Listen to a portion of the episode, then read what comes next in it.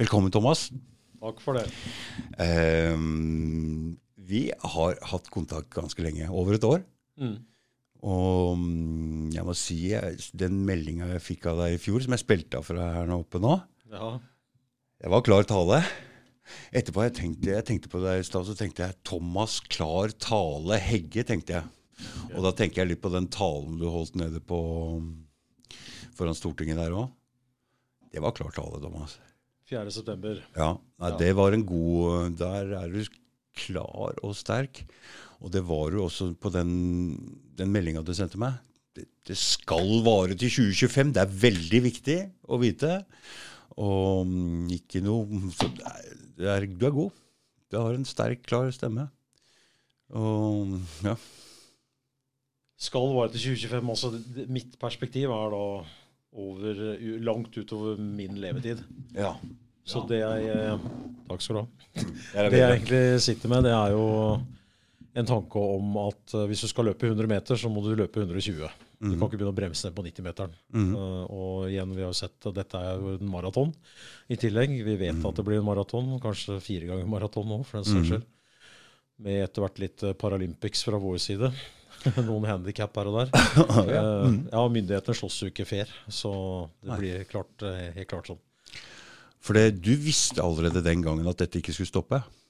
Ja, jeg forsto det veldig tidlig, ja. At Mhm. eh, dette kommer til å holde på lenge. For dette står på World Bank Hvor var det stod hen? Worldbank.org, hvis jeg ikke husker helt feil, Mm. så er jo covid avsluttes 31.3.2025.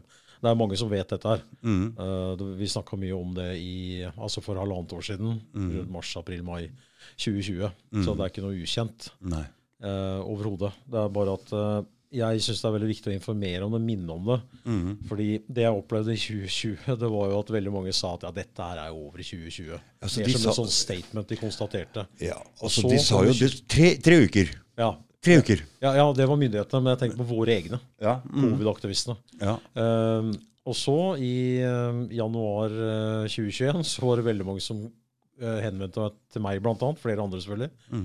og sa at uh, dette er vel over i 2021, tror du ikke det? Og jeg sa at eh, bare glem det. Det er ikke sjans. Altså, det er, må tenke minimum fem år fremover. Altså, vi snakker om eh, eh, Aksjonsgruppa mi heter jo AGF 2030, fordi vi har et tiårsperspektiv med hva skal jeg si, den type aksjonsform vi har nå, som er veldig flytende. Mm. Men eh, både personlig og visjonen jeg meddeler internt, er langt utover vår levetid. Og det, dette handler ikke om oss. Dette handler om noe helt annet. Det handler om framtida.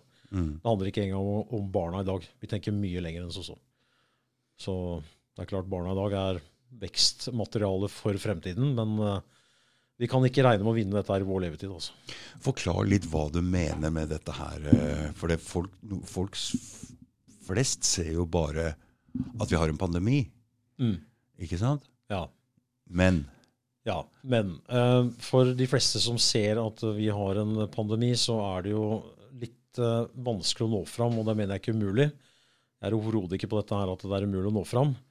Men det vi har å gjøre med, det er en del mennesker som egentlig ikke husker hva som skjedde fra altså Dagsrevyen i går til Dagsrevyen i dag. Og nå sier jeg ikke at Dagsrevyen er noen sånn sentrale nyheter, for det er vel noe sånn som 8% av befolkningen som ser på det. Men det er et veldig godt eksempel. Mange slår opp førstesida av VG, da. Mm. Og de bør kunne klare å se noen sammenhenger, mener jeg. Men det er ikke virkeligheten. Så for å liksom være litt mer realitetsorientert, så er saken den at eh, hvis vi skal klare å på en måte formidle at eh, dette er noe annet enn pandemi, så mener jeg at det er å påpeke veldig enkelt noen små feil og store feil som systemet gjør. Og et av de viktigste, syns jeg, er jo den lange, lange navnelista etter hvert. Her i Norge også. Vi har Bent Høie, og Erna Solberg som to eksempler. Vi har Mette Fredriksen i Danmark, som alle sammen har brutt koronarestriksjonene. Gjort ting som er utover det som er ifølge dem smittevernsfaglig forsvarlig. Og ingen av dem har dødd. Ingen av dem. Ikke Neil Ferguson, som laget denne her R-tallsmodellen. Som ble tatt i å snike seg til elskerinna si, Som hoppa på elskerinna, som var gift eh, med tre barn. Og han hadde, eh, Neil Ferguson hadde testa positivt for covid-19. Og selv om han gjorde det, så klarte han ikke å holde seg, for å si det sånn. Mm. Eh, og han har heller ikke dødd. De ungene har ikke dødd, mannen har ikke dødd, og hun kona har ikke dødd. Eh, hvis folk da på en måte klarer å se det, Mm. eh, så vil i hvert fall det bidra litt. grann. Eh, oppvåkning, som er et uttrykk vi bruker, Mm. er jo da eh, både stegvis hos den enkelte, og så er det stegvis i samfunnet også. Og personlig så har jeg ikke noe forståelse for de som sier at de gir opp for at det nytter ikke. Folk våkner ikke opp. Folk våkner opp hver dag. De gjør det.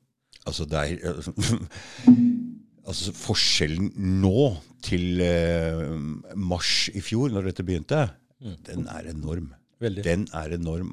Og hvis du går inn på kommentarfelt i, overalt, Facebook, Dagbladet, så ser du at det er eh, overvekt av kritikk mot myndigheter, eh, kritikk av vaksine. Enten så er eh, den gruppa vi meningsfellene våre veldig aktive, og det er mulig at de er. De er flinke til å skrive. De er aktive overalt og er gode i kommentarfeltene. altså. Mm. Det er viktig. det er viktig, For kommentarfelt har en mye større betydning enn det vi er klar over. Jeg er jo av den oppfatning av at hvordan styre um, meningene til folk, det er via media og i kommentarfelt. Det er ikke veldig lett å hoppe inn i et kommentarfelt og drive og skal forsvare seg mot 100 stykker. Da skal du ha god tid, og da skal du være god til å skrive. Ja. Så mm, takk til alle som står på og gjør en jobb der, for det, jeg tror det er viktig i, å- i å påvirke meninger til folk. Mm. Ja, absolutt. Eh, dette her var noe jeg tok opp med en uh, i vår aksjonsgruppe. Uh, hun var jo veldig aktiv på komment i kommentarfeltene til de to, to av de største avisene. Ja. September 2020. Ja. Og ble jo nedkjørt. Altså det var henne og en til mot 200 stykker. Ikke sant? Det er Eh, og jeg sa til henne bare fortsett, fordi for hver person som kommenterer, så er det 200 som leser og ikke sier noe. Ja. Og så lenge du holder deg saklig, kort, så skal du se at det gir resultater. Og jeg, det er mange andre som har gjort det samme, Mm. og rett og slett bare ikke gitt seg. Og det har fungert veldig godt. Det har blitt en helt annen uh, greie nå. Altså nå har det i mange av kommentarfeltene så har det snudd. Det er på en måte 200 av oss mot to av dem. ja, det er sant. Ja, det er det. Og vi ser jo Aftenposten, der henger det litt hardt igjen. Ja vel. Mm. Jeg følger ikke med overalt, men når jeg er innom og titter, så ser jeg det. Det der var en av grunnene til at jeg helt i begynnelsen sa at dette er ikke for meg. Det å skrive, sitte med den tommeltotten, for jeg skriver på, på telefonen, sitte med den tommeltotten der og trykke, og tankene mine går mye fortere, og drive og svare og og, så vil jeg gjerne være ryddig av meg svare ordentlig når du først er inne i en diskusjon. For det er jo visse regler som gjelder en diskusjon. Du må svare, og så, og så må det komme nye argumenter. Så, så det tar tid. Det er jævlig mye tid. Hæ? Riktig. Så jeg tenkte det der er ikke noe for meg. Jeg bruker for mye tid på det og ikke følger de andre reglene. Så jeg bare gidder ikke det der. Men jeg tenkte kanskje lettere å sitte og skravle. Ja, og greia er det at eh, det, det er grunnen til at jeg eh, forandret da meg til oss. Startet aksjonsgruppa mi med dedikerte arbeidsoppgaver. Fortell litt om aksjonsgruppa di når du først eh, nevner den så mange ganger. Så må du jo fortelle om det. Ja, ja, i og for seg. Eh, aksjonsgruppa for frihet 2030, AGF 2030. Eh, vi eh, begynte med en eh, Vi er jo på en måte blitt kjent for det mailutsendelser som eh, det skal innrømmes at vi følte var litt sånn skudd i mørket. Men vi tenkte at dette er en fin måte å lære opp folk til. Å se at okay, det finnes et system, det finnes noen høringsuttalelser osv. Det finnes eh, e-postadresser som er åpne for stortinget.no. Det er ikke alle som er godt kjent med det. Det går an faktisk å ta kontakt og, og stille disse her forskjellige politikerne til veggs. Mm. Det som kommer ut av det, som eh, vi også har drevet en slags opplæring på, det er nettopp det å, å få folk til å skjønne hvordan de kan bruke de svarene. Eh, Fordi veldig mye kommer som er fullt mulig å bruke senere. Og dette lagrer vi eh, to av oss, i hvert fall i gruppa i arkivet her oppe. eh, Hvor vi senere kan konfrontere dem med det. Og det er også slik at ja, for å gi alle en sjanse, jeg syns at politikerne skulle få lov til å få høre en del ting som media ikke dekket. Og det var egentlig motivasjonen. Altså Det var ikke noe dekning i media i det hele tatt. Så, og jeg vet jo hvordan det fungerer på, i politikken. Vi har hatt kontakt med, med folk som har jobbet bak Steinar Bassesen, og, og skjønte, uh, basert på det Det er mange andre som har skjønt det før meg, men eh, skjønte det basert på den erfaringen, hvordan man jobber på Stortinget. Politikerne blir til dels egentlig desinformert, men de får veldig lite informasjon. Uh, hvis de skal vedta et lovverk som er på 200 sider, så får de et resymé på to sider. Hvem, hvem gjør det resymeet, Thomas? Det er rådgivere, blant annet. De, Dette er byråkrater som sitter på Stortinget. Så. La meg bare eh, Disse byråkratene, eller disse rådgiverne, er det mm, Følger de partiet, eller eh, Nei, de er yrkes... Uh, De er yrkes... råd- Og da er vi inne på en forklaring som jeg eh, fikk forklaring på hva deep state egentlig er. Mm. Og det er de yrkesaktive eh, sånne folk som ikke Som er der hele tiden. De blir ikke bytta ut sammen med politikerne. Nei, stemmer. Og det er de som egentlig styrer, Mm. på en måte. Helt riktig. Dette lærer folk i statsvitenskap. Ja. De lærer de, hvis du snakker med de som driver med å, studere statsvitenskap, så sier de at eh, nå vet jeg egentlig hvem det er som styrer. Det er riktig at de, eh, en veldig dårlig skjult hemmelighet er jo at politikerne er frontfigurer i veldig stor grad. Det er det. Og de har jo klatret opp i, ungdomspartiet og har vært ivrige og sagt de riktige tingene. Og går disse broilerkursene hvor de lærer seg å snakke på riktig måte, og gå med de riktige klærne og, og sånne ting, som gjør at de da får en eh, skal si, manifestasjon i samfunnet. ikke sant? Eh, Olaug Bollestad er eh, populær da i en liten krets på Sør-Vestlandet. Og kommer inn i, høyt opp i KrF pga. det, uten å måtte henge ut henne. Men det er ett eksempel. Mhm. Så ja. Men jeg hadde jo inne Jan Bøhler her, og han har jo vært i Arbeiderpartiet. Og du må ha ganske spisse albuer og god Vi prater Paradise eh, Island. Altså, vi prater eh, allianser, vi prater utslagning, vi prater eh, ganske hardt spill. Klart. Og dette er jo ikke karakteristikker vi ville ha hos mennesker som skal lede oss, er det? Som Nei. vil fram og opp, som egentlig ikke har noe egentlig visjoner om å sjøl, men egentlig bare vil fram og opp for å styre, for å komme i rampelyset. Men, og med egenskaper som du egentlig ikke burde ha. Det er riktig. Det er eh, karrierepolitikere. Eh, Mm. Vi eh, vet jo fra Dette her har også vært åpent. Det var jo en avisartikkel, og jeg må bare innrømme at jeg husker ikke akkurat når og hvilken avis, men dette var helt åpent. Jonas Gahr Støre har stemt Høyre. Han er Høyre-velger. Han leder av dette Arbeiderpartiet, som det kalles. Eh, Det er jo floskel uten like, men eh, saken er at eh, de har rett og slett ikke noen som helst form for hva skal jeg si, dedikert De har ikke hjertet med seg. Og dette her er et resultat av demokratiet. Det er fryktelig mye å si om hvordan det oppsto, hva som på en måte har vært motstand mot demokratiet, og ikke minst noe jeg er veldig opptatt av, som jeg holdt et foredrag om i Drammen. Jeg har ikke fått lagt ut det på Beachwood-kanalen min. Mm. Og Det er jo en figur som veldig mange kjenner til. Eh, alle vi såkalte konspiteoretikere har visst om han i mange år. Edward Bernays, som beviselig er mannen bak det moderne demokratiet. Og dette er en grunn til å her skal jeg kaste ut en brannfakkel. Personlig så er jeg ikke tilhenger av demokratiet, og jeg forstår ikke hvordan våre allierte, altså covid-aktivister, kan rope på demokratiet og si at det er så flott og fint.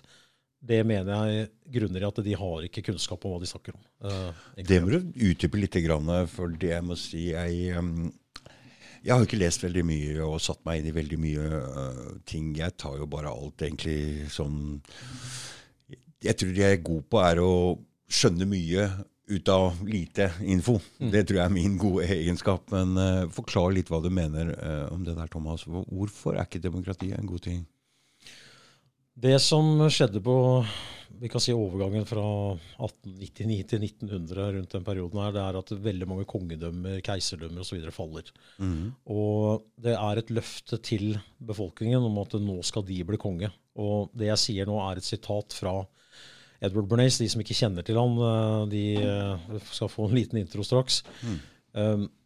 Det er et problem for elitene. Elitene sliter da med å opprettholde det løftet. Fordi det de synes Det er ikke interessant hva vi mener. Det de synes, slik de ser det For det er veldig viktig å se ting objektivt. altså Alltid leke djevelens advokat. Det er at dette går ikke. Det kommer til å bli totalt kaos. Fordi allerede da begynner det å oppstå veldig mange interessegrupper. Og veldig, veldig tidlig. Og det som eh, gjøres da, det er rett og slett en enorm manipulasjon av befolkningen. Hvor de får en følelse av at de er med på å bestemme. Og eh, gjør egentlig ikke noe i det hele tatt. De får det som de blir tilfredsstilt av, sånn at de føler at de har en nyttig og ja, jeg bruker ordet igjen, tilfredsstillende hverdag. Um, I denne boka til Edward Bernays som heter 'Propaganda', første kapittel, første avsnitt, så står det at demokratiet er laget av elitene for, at, uh, for å styre massene. Og det man har gjort, det er et forbrukssamfunn. Vi har amerikanisert samfunnet, og det er også verdt å merke seg når det kommer til Europa. Når amerikaniseringen begynner. Jeg har bodd i USA sjøl, jeg elsker landet. og Det er veldig mye å si om det. Det er mye mer komplekst enn de som på en måte dømmer USA nedenom hjem uten å ha vært der. Eh, men eh, denne her forbruks, eh, forbrukspolitikken, kan du si, da, den er Edward Wells som innførte. for at den... Ville, det er han som innførte? Ja, det er han oh, ja. som innførte det. Fordi den ville holde befolkningen dosil. Enkelt og greit. Vi blir da rolige av at vi kan gå på Nille og så kjøpe julepapir hver dag til 1990. Det gjør at vi er fornøyde, og så kan vi sitte og klage på TV over noen politikere. og så Hvert annet år så får vi lov til å stemme. Og føler at eh, da er alt greit, og så har du hørt det selv. Da har du fått den derre uttalelsen om at eh, ja, hvis du er misfornøyd med det, så får du stemme på et parti, eller du får skape et parti. Og alle mm. vet at det å starte et parti og få det opp altså Det tar jo ti år å komme opp på 2,9 mm. og vi er fortsatt da ikke over sperregrensa. Mm. Det er en kjempejobb, og folk orker stort sett ikke. Fordi vi lever i et altså utility-samfunn hvor du på en måte har en eh, hverdag som, hvor du sliter veldig med å få Eh, økonomien til å gå rundt. Og det er mye aktiviteter osv. Og, så og vi lever jo på en helt annen måte enn vi gjorde på til og med bare 70-tallet. Edward Bernays er nevøen til eh, Sigmund Freud. Og mm. han tok tak i materialet hans og skjønte at det finnes en ubevisst del hos mennesket som kan utnyttes. Og han er mannen bak den moderne reklameindustrien. Ja. Og politisk reklame. Men uh, siden han Var han kritisk til demokratiet i etterkant i den boka, eller? Nei. Nei. Han uh, syntes at dette var veldig fornuftig. Han ville uh, gjøre verden til americana fordi at det er Han mente at det var løsningen uh, for evig og alltid på kriger. Det var slik han så det. På kriger? På kriger, altså Vi ville slutte å ha konflikter med hverandre så lenge vi gikk rundt i en sånn evigvarende hjul og tok mm. opp kredittkortlån, jobba for å betale kredittkortlånet, brukte kredittkortet til å kjøpe en ny, fin bil og julepapir, og så bare fortsetter vi rundt og rundt. og rundt. Ja. Så enkelt er det faktisk. Men um, det er jo ikke opp til alle folk alle folk er ikke interessert i å ta tak i og være med og styre og stelle. Jeg, jeg føler jo sjøl personlig at hvis jeg hadde hatt god tillit til alt som skjedde, og, så hadde ikke jeg Men sånn som situasjonen er nå, så har jeg ikke tillit til de som styrer. De lyver. Eh, det er helt tydelig noe som får altså Politikerforakt har vi alltid hatt. Vi har hatt valgløfter som har blitt brukt og sånne ting, eh, som har blitt brutt og sånne ting. Så politikerforakt er jo et gammelt altså Det har vi jo hatt i alle år. Mm. Men nå er det tydelig at de har en annen agenda, og vi lever i en verden full av løgn. Og nå er det på tide å spørre seg sjøl om Enten så må de som styrer, komme ut med sannheten. Hva er det som foregår her? Eller så må vi få dem bort. Altså, vi er nødt til å ta, da, da, da er vi nødt til å stå fram sjøl. Mm. Ikke sant? Det, men det er, ikke, det er jo tydelig at ikke alle føler det sånn. Nei, det er riktig. Så det er jo ikke for alle. Nei. Så han har jo litt rett. Ja, det er ikke for alle. Men uh, det er jo en del stemmer som kanskje ikke blir hørt. Og det er en ganske ensretta måte å dreie samfunnet på. Mm. Hvor du, du, skaper et forbrukssamfunn, og så sier du etterpå at uh, når du har utnyttet det underbevisste hos mennesker, og så du, uh, kommer du etterpå og sier at det, dette forbrukssamfunnet er et problem. Det, det, kommer da liksom i samme slengen. Ja. Så nå må vi, eliten her, sette i gang noen tiltak. Hele verden må stå sammen. ikke sant? Blant annet, Vi skal ikke, helst snakke, snakke om det nå, men klimaproblemene osv. For at vi kjøper mm. for mye julepapir på Nille, så blir det klimaproblemer. Ja. Og, og, så har vi samtidig fått høre at vi må kjøpe julepapir. Eh, det var jo ikke at jeg var noen sånn stor fan, men på Ja, for nå får vi den da i trynet. Vi kan ja. ikke forbruke så mye. Nei, nettopp. nei. Hvor, hvor, det var på en måte viktig for å holde økonomien i gang. Det var jo veldig viktig at folk skulle ta opp lån, at vi skulle begynne å, uh, vi skulle dra og kjøpe ting. Ja. Det, det, var, uh, det, var, helt essensielt, og dette var jo åpent ut i, i nyhetene i mange, mange år. Mm.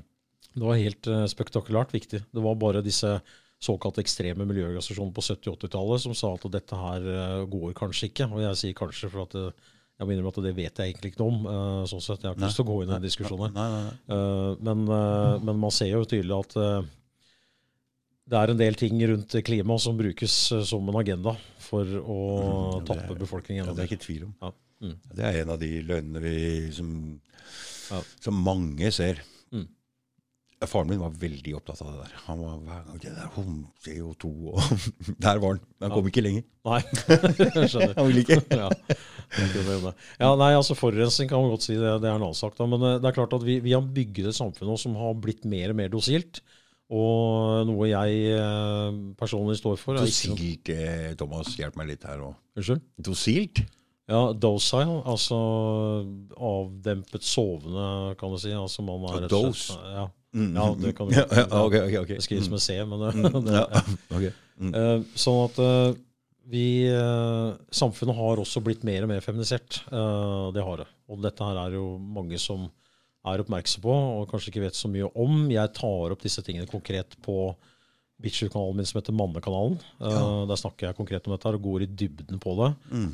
Og det er, det er noe jeg understreker tydelig i hver video. Det er en kanal til menn for menn. Jeg tar opp det menn Jeg vet hva menn trenger å høre for å komme ut av den her sausen vi er i nå. For det er en stor saus. Um, det er et feminisert samfunn som tillater, for det er inne på noe av det du snakka om i stad, tillater at en person som eh, ja, Steinar Madsen og Espen Nakstad sitter i de rollene de gjør. Uh, dette her hadde, I et mannssamfunn så hadde vi aldri akseptert det der greiene der i det hele tatt. Overhodet ikke.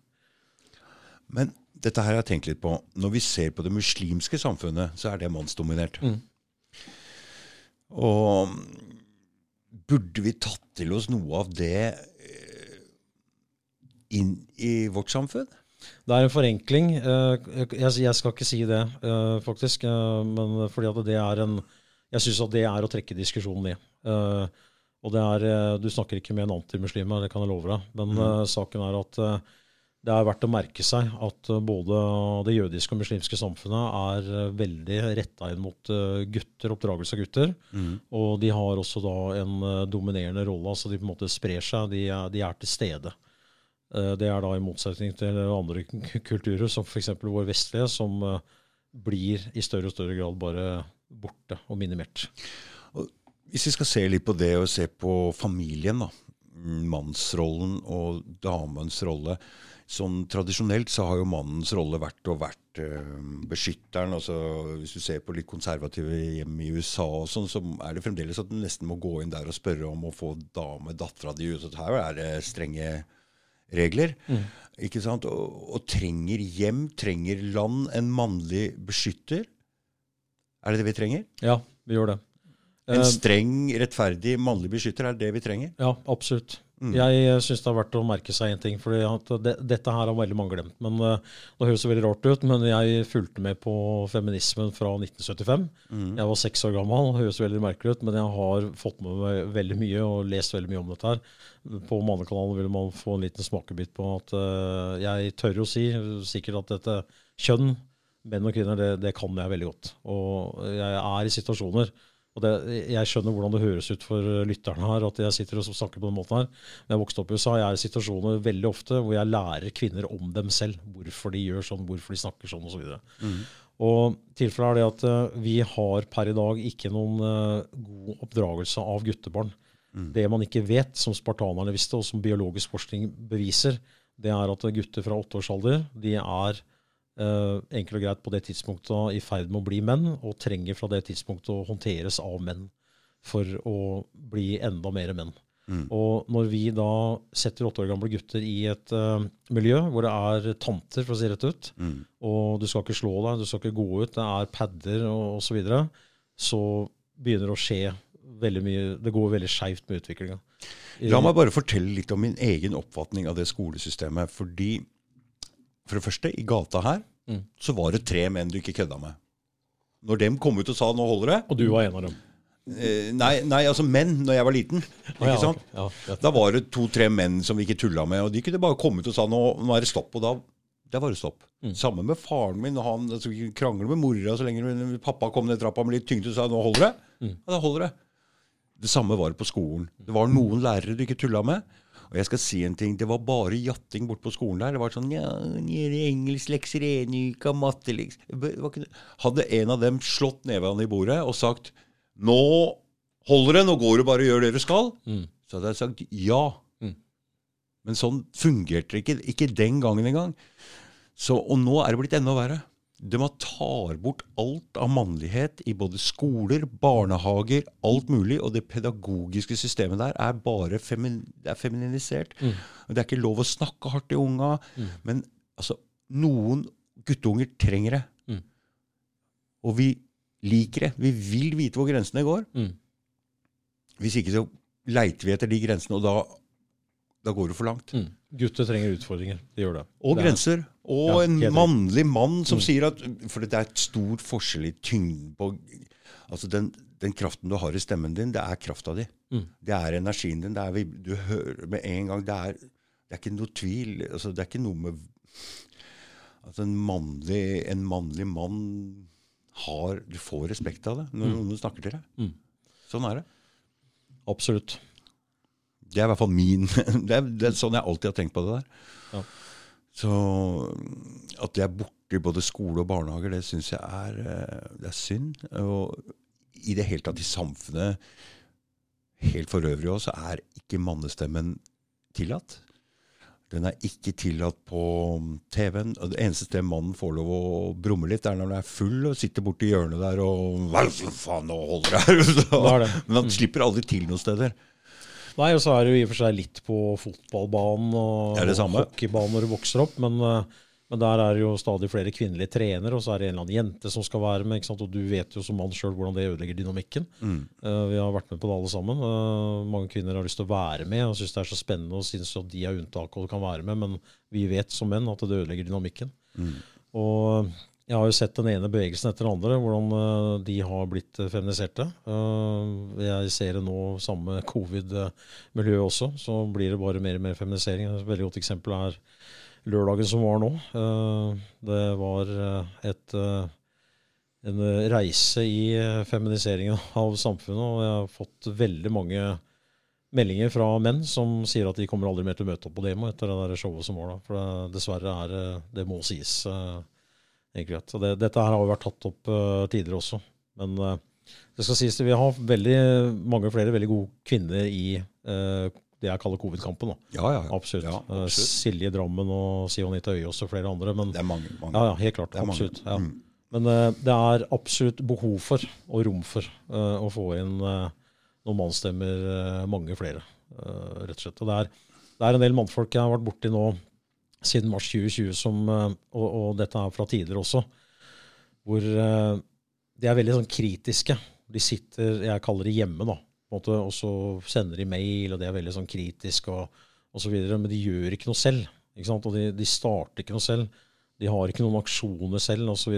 Men uh, og så er de generelt veldig negative. Og det, det er nok uh, veldig mye fordi de kanskje ikke er helt iverksettere. Og så har de fått inn seg dette her egalitære, som jeg mener kommer fra den franske revolusjonen. som har blitt verre. Hva betyr det, Thomas? Uh, dette likhetsprinsippet, at vi er alle like. I, ja. og, og, jeg er motstander av det. det er, uh, vi er ikke alle like. sånn er det bare. Absolutt. Nei, Overhodet ikke. Altså det, det, dette her er noe som har kommet inn, og, og veldig mange syns det er så flott. Det er så flott at vi er så like. Det er ikke flott. For de som på en måte da er litt uh, hva skal vi si, sånn, uh, litt mer sterke, litt mer intelligente osv., de syns ikke det er så veldig morsomt at alle er så like, for at de trekkes ned.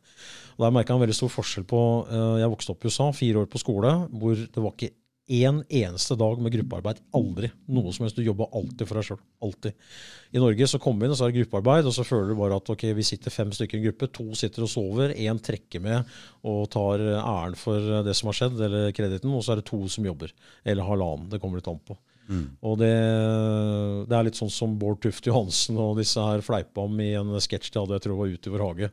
Mm. De sa at eh, nå tar vi en eh, veldig dårlig gruppe og en veldig god gruppe, og blander dem sammen, så blir det en middelmådig gruppe. Altså dette her er uh, Ja, det, det, er, det, er, en tragedie å se på. Uh, og slik oppfatter jeg at det er i samfunnet. Uh, det var en eller annen som sa til meg her nå nylig at han er elektriker, husker jeg nå, husker jeg hvem det er, at i ethvert yrke så er det egentlig bare 5% som gjør en god jobb. Og det er ikke noe statistikk på det, ikke siter meg på det, men jeg, jeg syns det er et uh, greit bilde. Kanskje det er 5, kanskje det er 40, jeg vet ikke. 100 er i hvert fall ikke. 100 er i hvert fall ikke. Nei. Nei. Men jeg har vært i noen firmaer hvor det, er, det har blitt bedre. Mm. Det har blitt bedre, og det er litt stygt å si det, men det kommer av arbeidsinnvandringa. De har høyere moral i arbeidslivet. De, men det skjønner jeg òg, for de jobber jo Altså, de penga er verdt litt mer. Mm. Og Så det har gjort at i hvert fall Ja, det er en del folk som står på og gjør Sånn var det ikke da jeg var ung. altså Da var det ikke mye, da skjønte jeg aldri hvordan i all verden klarer de å betale lønna mi, egentlig. Nå går du her og sparker. Ja, ja, det er det. Det er, eh, det, det, jeg tar opp det på Månekanalen og anbefaler folk å se det. Det, det blir jo påpekt hele tiden eh, hvordan eh, Fordi jeg tenkte på deg, jeg vet ikke hvor gammel du var da, men eh, du skjønner at eh, jeg, jeg pleier å si det litt humoristisk da. Altså gutter slash menn er ubrukelige før jeg er 25. De, eh, det er da hjernen er ferdig modnet hos menn. Mm. Og dette er veldig mange menn som får en aha-opplevelse på når jeg sier det. De, de husker hvordan lyset ble slått på da de var sånn rundt 25-26 år gammel. Um, hjerneutvikling hos jenter er tidligere ferdig. Mm. Og um, det er uh, enkelt og greit bare å si det sånn at uh, før du er 25 og du ser det, når du legger merke til det, bare spørre gutter altså, når de er 22, 18 og 17 altså De virrer rundt og aner ikke hva de driver med. Klumser og klosser. og Det er bare rør, uh, rett og slett. Det er det. er det altså. Jeg tror ikke jeg ble voksen ordentlig før jeg var 40. Altså. Ja, det er ja. Du var, uh, Jeg vet ikke om jeg er ikke voksen ennå. Da har du hatt en veldig lang og god Ja, ja, det- Så, så liksom, vi andre stoppa her på 25, du fortsatte uh, blir smartere og smartere. Ja, smart og smart. Ja, smart og smart. eh. Jo da. Jeg prøver i hvert fall å klare å holde en samtale med deg, så det er jo mm, ok. Ja, det er fantastisk. Hvem hadde trodd det? Du, eh, så Mannekanalen og AGF, og du liker å eh, trå til litt og gjøre litt. Jeg slapper aldri av. jeg. Det er eh, 24-7 eh, denne Mhm. kampen her. Jeg brenner veldig for den eh, Jeg vil ikke kalle det mannekampen, eh, enkelt greit, men ja, la oss kalle det det allikevel akkurat nå. Eh, Men eh, det er eh, rett og slett fordi det er nødvendig. Og igjen har treners, trenerårsperspektiv. Jeg tror på sjel. Jeg tror på Gud. Jeg er ikke redd for å dø. Det er eh, mye verre å leve her eh, lenger. Så når på en måte elite nå har først skrudd opp temperaturen så mye, jeg håper at de skrur opp enda mer. Ja, for det, det håper du. Ja, Jeg håper det. Virkelig. Og det, Så er det bare å trå til. Og det er jeg enig med deg om. Jo mer de skrur til den her nå, jo mer er vi nødt til å reagere på det. Ja. Men uh, tror du det er noen som styrer over der igjen, eller er det Gud? Det spørsmålet skjønte jeg ikke, fordi at uh, Fordi, fordi, fordi jeg um, Ja, det er sånn som det her. Jeg ser jo nå Jeg Når jeg ser Altså, for det første, la meg bare Når de låste oss inn i fjor, i mars, Mm. så fikk alle i hele verden beskjed om dere må hjem. Alle i hele verden må hjem nå. Og vi spurte kan vi dra på hytta. Nei, ikke på hytta. Må være hjemme på IP-adressen. Og så satte de i gang et verste showet som all kommunikasjon foregikk på internett. Og da mener jeg at AI sto klar til å lære seg alle Og dette her Og, for, og de kan alle stemmer. altså De har lært seg hvordan psykologisk en ting de kan sette, så ut en, en teori, en, en påstand, hvordan det sprer seg, hvordan folk reagerer på det. altså De har lært oss å kjenne. Og da tenker jeg at hvis de kan alt det der, så når de nå sier at vi må ta vaksinen de styrer, altså, eliten, Da prater vi om ved, de styrer WHO, ikke sant? Det, det, det, det, er vi enige om. Som igjen kontrollerer hva som skjer i pandemisituasjonen rundt omkring. De sier vi må ta vaksinen, men jeg tror også at de er med på å pådrive antivaksinekampanjen også. De er med på å forsterke alle ting for å lage en konflikt, for å lage en noe lignende en revolusjon, ikke sant? Og fordi hvis du skrur en ting for langt, og mange ting i samfunnet vårt er skrudd for langt, altså transgender-greiene går for langt, alle ting går for langt, eh, og når det går for langt, så vil det på et eller annet tidspunkt uh, bli en motreaksjon. Og det er jo ingenting som er smartere hvis du har lyst til å forandre samfunnet ordentlig, enten en krig eller en revolusjon eller noe sånt. Så jeg mener de sitter og skrur disse tinga mot hverandre. Og det er jo selvforsterkende. altså Vaksinen har masse bivirkninger, den er farlig, men når de sier at vi må ta den, og må ta den mange ganger, og sier at den virker ikke, og sånne ting, så er det nødt til å bli en stor konflikt, hvor vi ser i Australia, vi ser det i Østerrike. Og de vil jo ha revolusjon. De skal jo forandre, de skal jo ha the great reset. Så jeg mener at det sitter noen og lar legemiddelindustrien løpe løpsk Ja. uh, med vilje. Og de bare forsterker den. Ikke sant? For det er en selv... Altså De styrer ikke hele lege... Men de lar den bare gå, og så bare dytter de på den litt, så den blir ekstrem. og Hvis de gjør det med alle ting, så vil det til syvende ja, det, er- det er tanken min, da. Ja, jeg er enig. Det er god underholdning, for å si det sånn. Også på den måten at uh, vi kan se for oss Colosseum uh, hos romerne med, under Romerriket med en uh, sulten tiger som blir da pint inn i et bur rett før den slippes løs, ikke sant? hvor den er i selvforsvarsmodus modus og hopper på. Dette er litt det de gjør med oss. Og passer på å sensurere nok, ikke altfor mye, og slipper opp liksom ventilen litt, sånn at trykkokeren koker opp hele tiden.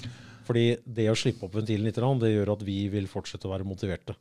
Mm. Um, det er i uh, dette dokumentet vi kaller Operation Lockstep, og jeg har ikke sjans til å huske hva hele den tittelen ble dokumentet er. Det er skrevet av Rockefeller Foundation. Mm. Uh, mange av uh, lytterne her vet hva det er. Um, og der er jo fire scenarioer for fremtiden. Og dette scenarioet som er da ønsket, det er en uh, top down-styring. uh, hvor Det er en top down-styring. ja, rett og slett en global regjering. Uh, dette er de helt åpne om. Mm. Og det er, en, eh, det er et ønske om å få til det eh, ved Altså, metoden for å få til er akkurat dette du sier. At de skal lage så mye kaos at eh, veldig mange kommer til å trygle og be om rett og slett eh, orden og ro. Mm. Og hva slags samfunn det blir, det vet vi ikke helt. Om de får det til, er en annen sak. Eh, Det er jo ting nå som tyder på at de sliter, men de som sliter, er jo bare da eh, de lederne som er rett over oss. Det er det jeg mener. Det er det jeg mener. Da, da begynner jeg å prate om hvem er det som egentlig drar i trådene her. Mm. Er det noen som egentlig gjør det, eller er det For jeg diskuterer For jeg hører hele tida de sliter. Men da hele tiden, hvem de? Hvem- hvem de? Ja. Fauci?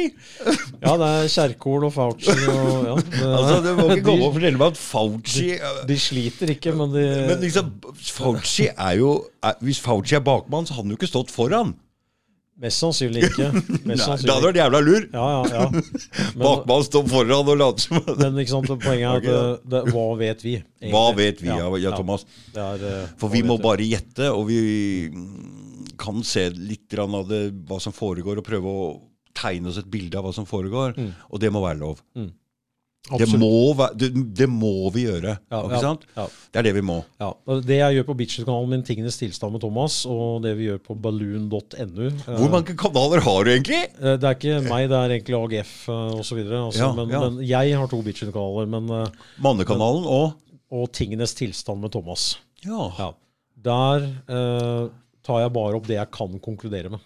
Altså kun det jeg faktisk vet og, og kan, og prøver å samle i et uh, litt humoristisk format, og samtidig litt inform informativt. Da. Eh, på statistikksiden vår, balloon, altså som ballong, altså .nu, ikke NO, altså, men NU, der har vi Man kan også gå på fhi.nu. Vi har tatt det domenet. Eh, statistikeren vår eh, er glimrende, og hun kjører bare ut ren statistikk fra myndighetene, som avslører ganske mye. For Og- dette hadde jeg en liten samtale med han eh, Jeg kjører jo Jeg har jo ansatt min egen hjelpemann jeg er i kommunen som er fra miljøet vårt. Og da spurte jeg han her om dagen du, hva med alle disse tallene om uvaksinerte, vaksinerte, og hvordan kan de forandre seg så veldig? Og når noen forklarer, så er det For noen ganger så får vi plutselig vite det er fullt av uvaksinerte på et sykehus som er innlagt. Og plutselig så får vi forklaringen Vent nå litt. Og, og hva er dette for noe her? For det, her er det vanskelig å holde Her får vi tydeligvis to helt forskjellige informasjon. Hva er det som stemmer? Jeg skulle hatt med statistikeren min her til å forklare dette. Ikke sant? Ja. For det er- Mm. For det her er det mye, her er det mye rart. Ja, det er det. Eh, Men eh, det som er eh, vi kan ikke egentlig stole på de tallene som er offisielle. Vi kan ikke det. Nei. Men vi kan forholde oss til dem og bruke dem i vår propaganda. Det kan vi helt klart. Mm. Uten tvil. Og vi har også disse her saltvannsdosene, som, eh, altså Saline Solution, som det heter egentlig, som har vært injisert i mange. Vi hadde jo Kongsvinger her, jeg tror det var april-mai måned. Mm. hvor det var 6000 personer som ble kalt tilbake fordi de hadde fått beskjed om at de hadde fått eh, saltvannsoppløsning. Eh, litt merkelig akkurat der. Så hvor mange som har fått hva, og i det hele tatt, det vet vi ikke. Og hva er uvaksinerte? Det er mange som er mye bedre til å snakke om dette her enn meg, så vi skal prøve å korte dette ned. så Mm, det ikke kjede kjeder mm. publikum her. Mm. Men uh, en uvaksinert kan jo være en som ikke er fullvaksinert, som har tatt én dose. Mm. Um, vi har jo selvfølgelig, og dette har jo du sett også, mye anekdotisk bevis, da, hvor vi har sett ambulansene drive og rulle og gå siden juli med blålys konstant. Du ser jo ikke en ambulanse uten blålys lenger. Og jeg vet jo fra en eh, eldre dame jeg kjenner, hvis sønn eh, kjører ambulanse, at det er en Det er et ordentlig trøkk nå. Uh, virkelig trøkk. De henter folk hele tida. Eh, og hva dette kommer av, og dette er før denne omikron-varianten kom, fordi dette begynte i juli, det kan man jo spekulere i. Mm. Ja. Fordi når vi titta litt på mm, hva slags symptomer som var på omikron, så plutselig hadde vi fått inn noe hjertegreier. Biokarditt, ja, som var eh, så, ja. Som, er en av Nei, de, de driver på, eh, for å si det sånn. Så er, eh, jeg eh, i hvert fall anbefaler, og det har du jo hatt tidligere også, Kallager og flere andre som kan dette mye bedre enn meg, så jeg, mm, jeg bare Ja. var bare vi lar det ligge.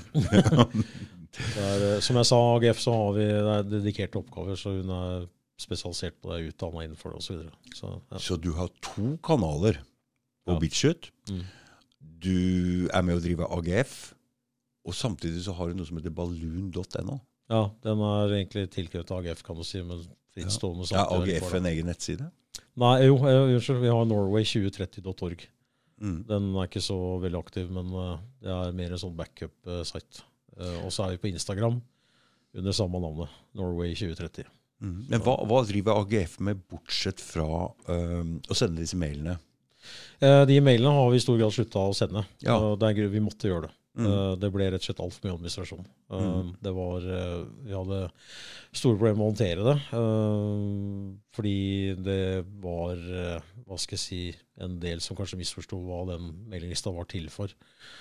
Og det vi gjorde etter hvert, det var jo rett og slett skiftet strategi fordi bevegelsen har endret seg.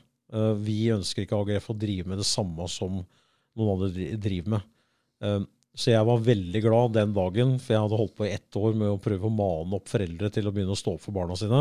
Jeg var veldig glad den dagen de begynte å PCI-teste barn. Jeg vet hvordan det høres ut når jeg sier det, men eh, det er rett og slett for at vi må videre. Dette hadde kommet uansett. Eh, Fordi da kunne vi slippe taket på akkurat dette med vaksine. Eh, En ting vi anser som egentlig ganske uinteressant, det er hva er innholdet i vaksine. I stor grad så syns vi det. For der må du plutselig da inn i en diskusjon med en sånn type Steinar Madsen. Du må opp på det nivået her. Da må du kunne uh, vite hva du snakker om. Og vi har i hvert fall en glimrende organisasjon til å ta den jobben av. Det er fritt vaksinevalg. Uh, de folka der kan jo dette her. Mm. Uh, så det vi har flytta oss til nå, det er eh, rett og slett mye mer eh, jeg kan si det rett ut opplæring eh, og etablering av en del grupper eh, rundt omkring, eh, hvor vi møter opp i forbindelse med foredrag osv. Så, videre. så Så det er en uh, veldig stor del av. Og så har det vært en del, uh, en, en del å gjøre ved siden av de siste månedene som har gjort at jeg ikke har fått ut så i nærheten så mange videoer som jeg ønsker. For det er, har du det er, det er veldig, helt riktig. Det er veldig mye å fortelle om. Så, Ja. vi snakker ikke om hvor jeg har flytta, men uh, mm. Nei. Du kan si hvor du har flytta fra? Nei, du, samme. du kan si hvor jeg flytta fra. Det går bra. ja. Du sitter med masse notater her. Er du eh, Er det Jeg har fått sagt mye, i hvert fall. eh. Du har fått sagt mye av det? Ja, ja, ja, ja, mm, ja. mm. ja det er bra. Men, jeg, men det er jo sant, en, en ting jeg hadde tenkt å ta på appellen eh, min som ble avlyst. Ja, det, for det, det er en av grunnene til at du er her i dag. Ja. Eh, litt misfornøyd blei du med appellene som ble holdt, men du fikk heller ikke holdt en eh, tale eller appell eller hva. Og det er synd. Ja. For en av de absolutt beste talene jeg har hørt der nede med mest trøkk i, er jo din. Det er ikke tvil om. Og, Ja, mm. Ja, jeg skal ikke si noe om det. Nei, det kan ikke du si noe om, men nei, jeg sier det til deg. jeg. Ja. uh, ja, det, det, det henger litt sammen med hva AGF driver med også. Uh, altså Nå har vi gått over til det punktet at vi er proaktive. Jeg syns det er på tide å begynne å angripe uh, systemet. Jeg, det, jeg forstår at noen kan kanskje si at dette er å sparke under beltestedet eller slå, heter det vel. Men jeg, jeg, jeg ser på det som at dette er jeg tror mange er enige med meg også, en esoterisk kamp. Det handler om noe helt annet uh, enn det vi umiddelbart ser, og, og, og så videre. Og da er det litt viktig å tenke litt over hvem er det egentlig vi forholder oss til. Og det har noe å gjøre med hvordan du har det internt inni deg selv, hva du finner deg i.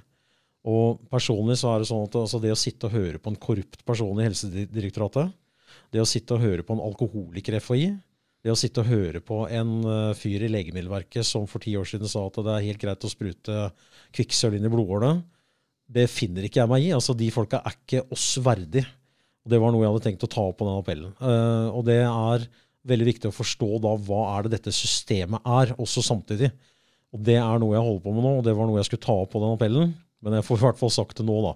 Og det er at når vi har et system som har tredd covid-bøtta nedover huet på deg, og det samme systemet, de feirer da en eh, dag i året som eh, eh, De feirer en ideologi en dag i året som er den eneste ideologien som har direkte angrepet barn. Eh, det er feminismen. Den har gjort det. Det kan jeg bevise. Det er Cathy Young, som er feminist, har skrevet en utrolig feit bok med veldig liten tekst, med massevis av kilder på dette her. Eh, vi har altså en som heter Hoff Sommer, som har skrevet en bok som heter The War on Boys. Det er den eneste ideologien som har aktivt gått inn i vi snakker om mange tiår og angrepet barn. Den blir feiret av systemet. Vi har en, et system som feirer en bevegelse som er opprettet av sentralbankene, hvor vi til og med har en fridag i mai for den dagen. Det er ikke 17. mai jeg snakker om da. Eh, det, dette her er det samme systemet som har da en eh, dag relativt tidlig på året, hvor man rett og slett hyller og feirer det faktum at barn kan fly, og at du trenger bare én fyrstikk for å tenne på et barn. Dette tror folk på.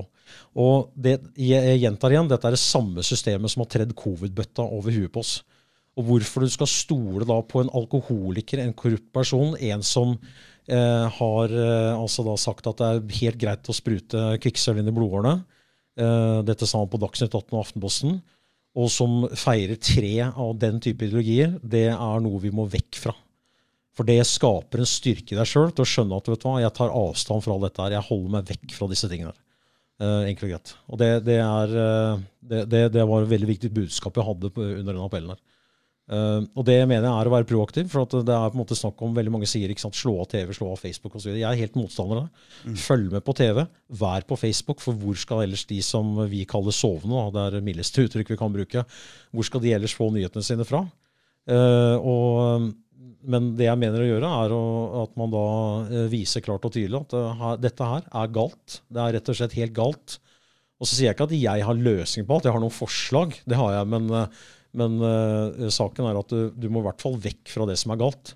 Altså du er, du er hjemme, og kjerringa di banker deg liksom dag ut og dag inn. Så er det sånn at ja, hva er egentlig svaret? I hvert fall Det første du må gjøre, er å gå ut døra, og aldri gå inn igjen. Det er det første du må gjøre. Så, så det er en del sånne vesentlige ting som er uh, Jeg syns ikke blir tatt opp. Vi snakker veldig mye om eh, kjærlighet og lys, men saken er at vi har en fiende her som er brutal, ondskapsfull. De har ingen interesse av vår velvære i det hele tatt. Politikerforakten kommer av at de har forakta oss fra starten av.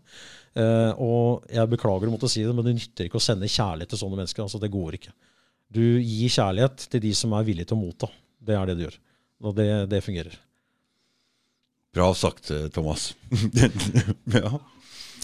Ja, dette var eh, litt av den eh, appellen du skulle holde, ikke sant? Ja, stemmer. Jeg skulle holdt. Ja, du skulle holdt. Det er Kjempebra. Synd. Ja. Ja, det er absolutt trengt der. Det hadde vært en motvekt til det som foregikk der. Det skal ikke jeg Altså, jeg, eh, jeg har ikke noe å blande meg borti hvem som holder taler om hva og sånne ting. Men nå hadde jeg jo inn August her også, August Nord fra Nordpodden, på onsdag. Og han Den poden kan dere bare høre, men han har en del kritikk å komme med av det som skjedde der nede, og han dro faktisk hjem. Og det er synd, fordi han kommer da inn med ganske nye øyne. Og ser dette på en helt ny måte, og hadde tatt med seg mora si ned der og kjørt helt fra Brumunddal. Og skygga banen, eh, så han ikke skulle bli filma der sammen med det han oppfatta som Han driver med media, reklamefilm og sånn. Han sa han, han kunne klippet i stykker det der og lagd Altså, han hadde fått oss idioterklært på 1, 2, 3 med å klippe sammen noen betaer derfra. Og det er uh, synd. Uh, jeg, jeg, er jo litt, blitt litt blind, for jeg, føler ikke, jeg hører ikke så veldig mye alltid på de som snakker heller. For det, jeg står og skravler og surrer og driver med andre ting. Men jeg er der for jeg er der egentlig for litt andre ting enn å høre på de som snakker. Mm. Litt i podkastøyemed, men også fordi jeg syns det er godt å sosialisere litt og skravle litt med folk. Møter veldig mye bra folk der, helt enig. Ikke sant? Det, det er en av de fine tinga der nede. Møter mye bra folk. Ja, jeg vil understreke, det er ikke bare for at hun er med i AGF, men Eline Karlsen holdt det bra opp For det, altså, den var saklig, den var innafor rammene, den tok opp informative ting som kan være veldig fint å, å få fram. Så det, det, vil jeg bare understreke, men jeg trenger ikke å kommentere noe mer enn det. er, du, er, du, er du, Hvor lenge har vi holdt på, Marianne? 51 minutter. Å få litt mer tid enn det, Thomas? Ja, ja. Jeg har uh, ni sider her. ja. For du har reist ja, å, ja, Du skal ikke si hvor Det går fint. Det er uh, et par hundre kilometer. Ja. ja. Mm. Men, uh, du har flytta vekk fra Drøbak. Ja. ja. Og kommer deg litt lenger ut på landet? Det har jeg. Er det noe altså Nå har jo jeg hatt inn han Runar Hollerud her, ikke sant? og da, jeg, nå har jeg masse matproviant liggende under eh, under, eh, under eh, trappa der. Um, er det en av grunnene til at du flytta litt vekk fra her, området her? At du ville komme deg litt ut, og litt Hvis det skulle gå til helvete, så er det jo ikke noe kurant å bo i byen eller i nærheten av byen. Hadde jeg funnet uh, det samme huset til samme pris uh, midt i Oslo sentrum, så hadde jeg bodd der. Mm, så det er ikke det er ikke en av grunnene? Nei. Nei. Og det er ikke det at jeg har lyst til å bo i Oslo heller, for den saks skyld, men altså, er, for meg er det ikke så veldig farlig hvor jeg bor. Nei. Uh, og dette her handler egentlig mer om hva skal jeg si, litt sånn økonomisk fornuft og plass osv. Mm, mm. Um, jeg bodde trangt og bor, har god plass nå, Mm. og det er, det er egentlig Uh, hele det, saken. Det er hele Ja. Ja, ja, ja. Og du jobber sånn at du kan jobbe hjemmefra? Helt riktig. Mm. Stemmer. Mm. Jeg driver med IT-undervisning, så Mm. og det er, eh, det er jo morsomt. Det kan jeg være helt åpen om. Det er ganske gøyalt nå. Jeg har jo en uh, liten dialog med en uh, høyskole som jeg har jobbet for siden 2005. Mm. Og jeg tok jo kontakt med han i oktober. Nytt semester starter i januar ikke sant, med det faget jeg skal undervise i. Og så kommer da Eh, jeg sier jo det at eh, nå, nå, kommer en nedstengning snart. så Da begynner å bygge opp til det. For jeg så dette her, eh, vi snakker om nå rundt 20. oktober. da. Mm. Ja, nei, det trodde han ikke på. Nei, for nå har jo åpna opp igjen osv. For jeg begynte å se disse her smittetallene. begynte å se Nakstad begynte å fortelle at det er veldig bekymrende. veldig bekymret. og da, så jeg skjønte jo at det her skjer noe. Det, det er det som er så vanskelig med dette. Det er veldig vanskelig å spå når hva de gjør, når de gjør det, og hvilke verktøy de kommer til å bruke. Det er, det er, det som er så innmari irriterende. Vi vet hva de kan gjøre, men ikke når de gjør det, eller om de gjør det i det hele tatt. Mm. Og, så jeg tok kontakt med skolen og sier bare at jeg, eh, jeg kan undervise, men jeg gjør det bare digitalt. Ja. ja, ok, Hvorfor det? Jo, veldig enkelt. Fordi at jeg har ikke lyst til å stå i et klasserom. Og så har da alle elevene har tatt denne her injeksjonen, og jeg har ikke gjort det. Og så skal jeg få skylda etterpå for at noen har blitt lagt inn med covid eh, fordi de har fått myokarditt eller et eller annet, og så får jeg et uh, stort problem. Så det blir digitalt. Eh, etter den pressekonferansen som var nå, kan det ha vært på mandag eller tirsdag denne uka her, Mm. så teksta han underveis klokka åtte og sa det er bare å si ifra, jeg er ledig. så det er Mm. Mm. det blir spennende å se. Det, jeg synes det er litt humoristisk. Da, da sendte han litt sånn latteransikt tilbake. For han veit hva jeg mener og aksepterer. og Han er jo helt på den andre sida, men Mm.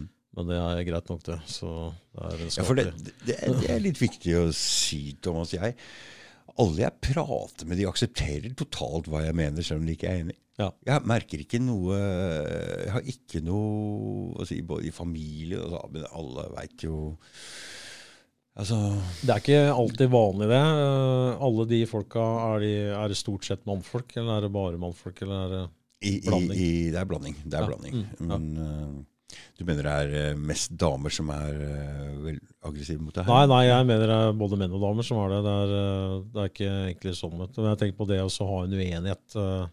Ofte sterk uenighet.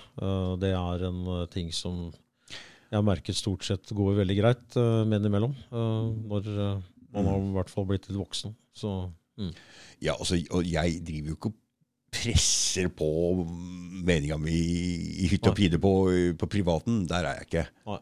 Altså, jeg gidder ikke å For det første, når, hvis folk har tatt vaksinen, så er det ikke noe vits i å hause opp om at den er farlig. altså, når du først har tatt den. Øh, Jeg syns ikke det er noe greit øh, å gjøre. For mm, når du veit at placeboeffekten har 30% så er det ikke vits i å At du går ut og kjenner på alt mulig vondt du har og er i vaksinen. Det er ikke vits i å plage folk. nei. Ikke sant? Nei, Og stort ikke. sett så går det jo greit. eh, Ikke sant? Det er jo jævlig mange som har tatt vaksinen. Mm. Og Inntil videre går det greit, i hvert fall. Vi får ja, se. vi veit ikke ordentlig hva det der er. Nei, jeg, jeg personlig kan ikke uttale meg men folk jeg stoler på, forteller jo at det vil føre til en del problemer over tid. Ja. Det, Mm. det vil det. Mm. Det var eh, Jeg husker Sherry Tenpenny. Jeg fulgte med stor interesse henne i to lange intervjuer. Mm. Jeg fant på Jeg lurer på om det var Det må ha vært Bitcher, tror jeg faktisk. Mm. Mulig at det var Rumble, jeg er ikke sikker. Og eh, jeg tenkte at hun overdriver litt. Hvor hun sa at eh, fra to til syv måneder etter så begynner en del problemer å oppstå hos eh, veldig mange Mm. som har tatt injeksjonen. Og det Jeg tenkte ok, greit, jeg får følge meg, veldig tvilende til det. Mm. Men så begynner jeg å se da umiddelbart disse her eh, blålysene hver gang jeg husker jeg kjørte fra Drøbak til Drammen, til Oslo til Drøbak i løpet av en tolv timers periode pga. et møte i Drammen. da. Uh, og da var det ikke sant, fem-seks uh, ambulanser med blålys. og Jeg skal ikke kjede publikummet så mye om akkurat det der, men så begynner jeg å se at disse tallene på innlagte begynner å stige. og det er eh, Bivirkningsrapporten i Legemiddelverket er jo hardt redigert, åpenbart. Den som kommer nå annenhver uke. Den var jo en gang i uka før. Hvor eh, det kryper veldig sakte oppover med da spontanaborter, dødsfall, blødningsproblemer. For det skal bli spennende å se tallene fra 2021 når de kommer med de forskjellige sykdommene i forskjell til 2020, 2019, Ja. når det gjelder hjerte, når det gjelder det Ikke minst pga. alder. Når du har 20-åringer, eh, og vi har jo alle disse her Premier League-spillerne som For, har for fått dette, å- dette, dette er eh, i, I Norge så får vi de opplysningene, ikke sant? Mm, Ja, det kan du godt si. Vi, vi får dem, men eh, jeg, jeg tviler på det. Altså, i eh, en liten periode mellom april og mai så skjedde det noe med den bivirkningsrapporten til Legemiddelverket, og det var at de begynte å innføre fotnoter. At det er ikke, fotnoter, de putta en liten stjerne, asterisk, og skrev at eh, det er ikke helt sikkert at dette skyldes vaksinen, men, men før, altså fra januar til april, da var det så dødstallene krype oppover for hver uke, hvor det var konstatert at dette er dødsfall. Mm. Så på et eller annet tidspunkt der så hadde det jo, jeg tror fra en uke til neste, så var det åtte stykker som hadde oppstått fra de døde, da, åpenbart, eh, hvis man skulle tro de i rapporten her. Det er, det er mye rart, det er det. Og dette er jo, eh, det jeg tar opp her nå er jo veldig godt kjent i covid-miljøet. Sikkert mange der som sitter og irriterer seg over at jeg prater om det, fordi eh, mange kan mye mer om det enn meg. Men for de som kanskje ikke helt har forstått det, så er det verdt å begynne å følge litt med på at vi har for det første en injeksjon som ikke er eh, kalles en vaksine, som ikke er eh, godkjent, og vi har en eh, Altså antall dødsfall nå er jo langt, langt over det som var under svineinfluensaen, hvor Preben Aavitsland karakteriserte det, altså svineinfluensaen, som en katastrofe, Mm. rett og slett. Så da kan man lure på hva det er for noe nå. Det må være veldig mye mer enn en katastrofe, for vi er oppe på nesten 30-gangeren eller rundt der. Hvor mange døds, har du peiling på hvor mange dødsfall de har registrert av vaksine? 233 233. Ja. skal være rundt der. Og, det, og hvor mange covid-dødsfall har vi nå? Er det 1000 ca.? Eh, 1100 rundt der. 1100. Og vi må huske på én ting, at det er over eh, altså en 20 måneders periode. Vi snakker om eh, influensasesongen 2017. Eh, relativt sett, altså hvis du tar og ekstrapolerer de tallene, Mm. så hadde det, de dødstallene er mye høyere. Mye høyere. Og vi gikk ikke da med munnbind, og vi gikk ikke med osv. Det eh, Jeg syns alltid det er morsomt å høre disse som eh, da forsvarer bruken av munnbind på nettet, for de sier at det er kirurger går med munnbind. De bytter den hvert kvarter, de står stille, og de har ikke med seg munnbind, i hvert fall ikke tidligere, når de går på Rema 1000 og skal eh, dra fire poser med meloner opp en isete bakke og er 85 år gamle. Det er en ganske vesentlig forskjell. Så, Mm, ja. For det, det altså jeg um, Når jeg jobber med søpla nå, så er det mange av de kassene som støver så jævlig. Mm. Og jeg begynte å få vondt oppi her, og jeg vet ikke faen hva det støvet er for noe. ikke sant? Så jeg begynner å trekke en sånn bøff uh, oppunder nesa. Men altså, jeg klarer ikke å gå med den der mer enn akkurat jeg har tømt de kassene, så, så drar jeg ned den. Altså. Mm. Jeg klarer ikke å jobbe med det. Altså, jeg klarer ikke å røre meg med det. Altså, det blir vått inni der. Jeg får ikke puste ordentlig. og eh, For meg er det ingenting. Mm. Og jeg kan ikke, vil ikke, skal ikke Jeg skjønner ikke at folk kan Jeg så en På treninga i forgårs så så jeg en som sto på steppmaskinen med, med maske på. Altså. Han øh, skal øke oksygenopptaket. Ja, det er det. det, er det. Det er, ikke sant? Du skal øke oksygen fordi det blir ekstra vanskelig å puste. ikke sant? ja, ok, greit. Da skjønner jeg. Og For meg så så det veldig spesielt ut. Da, for Du hadde sånn. Ikke sett det før. Nei. Nei, det var en del på Twitter her i- helt i begynnelsen som uh, drev og skrøt av øh, hvor høyt oksygenopptak de hadde fått i løpet av veldig kort tid, fordi de sto på steppmaskin osv. med, Med maske. med munnbind. Ja. Mm, mm. Øh, maske er egentlig et bedre ord, som du sier. Ja. Ja, Så, så hva, hvorfor det egentlig? Fordi du hindrer Altså du puster mer for å Eller hva er det der? Altså, Jeg bare sier én ting, at øh, det de sannsynligvis er med på å øke, det er øh, bakteriell lungebetennelse. Det er ganske stor sjanse for at det øker, så jeg vil ikke akkurat anbefale. Man kjenner jo, altså kroppen sier ifra, Det var jo merka. Jeg har jo måttet ta på meg munnbind én gang. Det var vel øh, helt i starten her, dag to osv., for jeg trodde det var påbud og tenkte jeg må jo handle mat. Mm. Så jeg skal innrømme den feilen der, og det var det jeg kjente da. Så det, kroppen sa ifra med en gang. Altså, dette her er ikke bra. Det er jo, dette har vi opplevd som barn. og Vi drev og lekte og drev og rulla hverandre i tepper og heiv dynene over hverandre og så videre som femåringer. Så merka vi det at det var litt mindre oksygen inn i et sånt miljø enn Mm. enn det det er ellers. Så det, det, er, ikke, det er ikke noe å snakke om engang. Mm. Og det, dette her er det, altså Den vestlige legemiddelindustrien er jo helt forferdelig. Altså dette er også en annen ting jeg skulle ta på appellen. Det er at eh, Personlig har jeg null tillit til eh, leger. Og jeg tar gjerne en diskusjon med hvilken som helst lege. Jeg mener det. Det er overhodet ikke noe problem. Det høres ut som at jeg da skulle være veldig sånn overliggende osv. Men eh, jeg har erfart det med Vi snakker om da eh, nære venner osv. Over en periode på over 50 år. Som, hvor samtlige har blitt feilbehandla eller feildiagnostisert, eller begge deler. I flere land. Det er en systemisk feil her. Eh, og jeg sjøl, da jeg var syk i 2014, da var jeg nødt for å ta tak i dette selv. Det er så og finne ut alt selv. Det er så typisk. Ja. Da jeg endelig hadde krefter til å gjøre det, ni måneder, så løste jeg hele problematikken på to uker. Og hvor fant jeg disse skumle svarene? Jo, på det skumle internettet. Hvor Steinar Madsen sier vi skal holde oss unna. ikke sant? For Steinar Madsen sitter bare og sier at hvis du, hvis du føler at du blir veldig syk, uh, blir veldig, veldig, veldig syk, veldig, veldig syk, du hører hvordan han snakker hele tiden her, da, da, må du, da må du gå til lege, så føler du deg mye bedre. Ja, Det er riktig. Du føler deg bedre, for du får et eller annet med 25 bivirkninger som fjerner symptomer på én ting. De driver bare med symptombehandling. Det er helt riktig. Ja. De driver bare har- med symptombehandling. Ja, jeg har null tillit til leger. Leger er det yrket som har minst peiling på eget fagområde. At de tør å sitte der og styre livene våre på den måten de gjør, Mm. det er så frekt.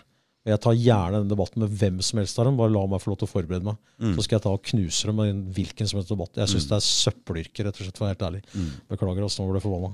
Ja, det skjønner jeg, for det, jeg eh, kjenner mange som har gjort akkurat det samme som deg. Mm. Ja, Med en gang du blir syk, du må finne ut av det sjøl. Du må ta ansvar for dette sjøl og finne ut av det sjøl. må det. Og legemiddelindustrien altså, Er det noe sted som er lett Det er en av de tinga hvor du kan Når du skjønner at det der ikke stemmer, da er det lett å gå videre. Helt riktig. Eh, fordi det fins en del innfallsvinkler, fordi alle disse tinga henger sammen. Okay? Så du kan begynne å nappe mange steder i ting som er feil i samfunnet.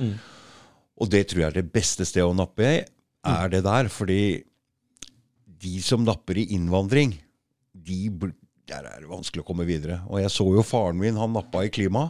Og der var han, Men han kom ikke noe særlig videre enn det. Men der var han spesialist. Men at du ikke Når de tror de virkelig at det bare er tilfeldig altså, Skjønner ikke da, når hele verden går på en sånn greie, at Hvorfor?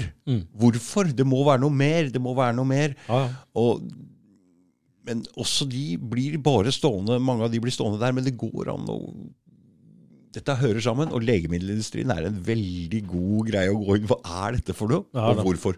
Det er helt feil. Ja. Og det er snudd helt på huet, og det er bare symptomdemping, sånn som du sier. Og det er farlig, for når jeg hadde inn han Terje Toftenes her, så Han hadde jo kløe, sterk kløe i mange år. Og da fikk han sånn hydrokortison. Mm. Smørte seg inn. Han brukte pallevis med hydrokortison. Men det der var jo et signal om at hei, det er noe gærent her. Mm. Du skal ikke dempe de symptomene. Symptomene er der for en grunn. og du må finne ut altså hvorfor. Og når du demper symptomer, så får du det midt i fleisen etterpå. Mm. Det gjør det. Ikke sant? Må, øh, symptomer er et signal om at noe er gærent. Det må du ta på alvor. Mm. Og ikke drive og dempe det med noen ting. Og det samme med psykisk greier. Og, altså, Vi prater om leger, vi prater om psykologer. Altså. Ja, ja, ja. Det er, Men det er eh, jo samme legemiddelindustrien. er riktig, men det er veldig viktig å ransake seg sjøl. Altså, det er en jobb du tar aleine, og i og for seg kanskje med nære venner. Mm. Og, og kort og godt begynner å tørre å ta den jobben med å se deg sjøl i speilet. Og det er, eh, de som har gjort det, vet jo at det er ikke moro, og ikke er det lett. Nei. Men du verden så mye du får ut av det senere. Eh, Det er en ja. ting. altså. og Her har vi en ting fordi det fins en del skjulte sannheter inni mennesket. Masse skjult. Vi veit ikke mye om det der. Og, og det fins skjulte sannheter utover òg, i samfunnet. Masse. Og det er samme jobben. Og jeg føler at når det stagnerer litt utover, så må jeg gå en tur litt innover og skjønne litt mer hvordan fungerer mennesket, hvordan fungerer jeg sjøl, og hva er det å se her av styggedom og alt mulig. Ja. Ikke sant? Ja, det var viktig. Og disse to tinga de hører litt sammen. Jeg tror ikke du kommer noe særlig lenger utover enn det du gjør innover. Være dønn ærlig med deg sjøl, og så må du prøve å være dønn ærlig utover òg. Mm. Hvis du ikke er dønn ærlig med deg sjøl, så klarer du ikke å være ærlig utover, for det er like stygt å se. Ja, Skjønner du? ja, jeg er helt enig. Det er veldig morsomt dette her. Så når, når jeg, når, uh, det er bare dem jeg hører fra. Når kvinner kontakter meg, og de som da på en måte holder ut den første introduksjonen, de pleier å si at til å begynne med så virka det som du testa meg. Og jeg sier at jeg testa deg ikke. Det jeg holdt på med, var rett og slett bare å være dønn ærlig.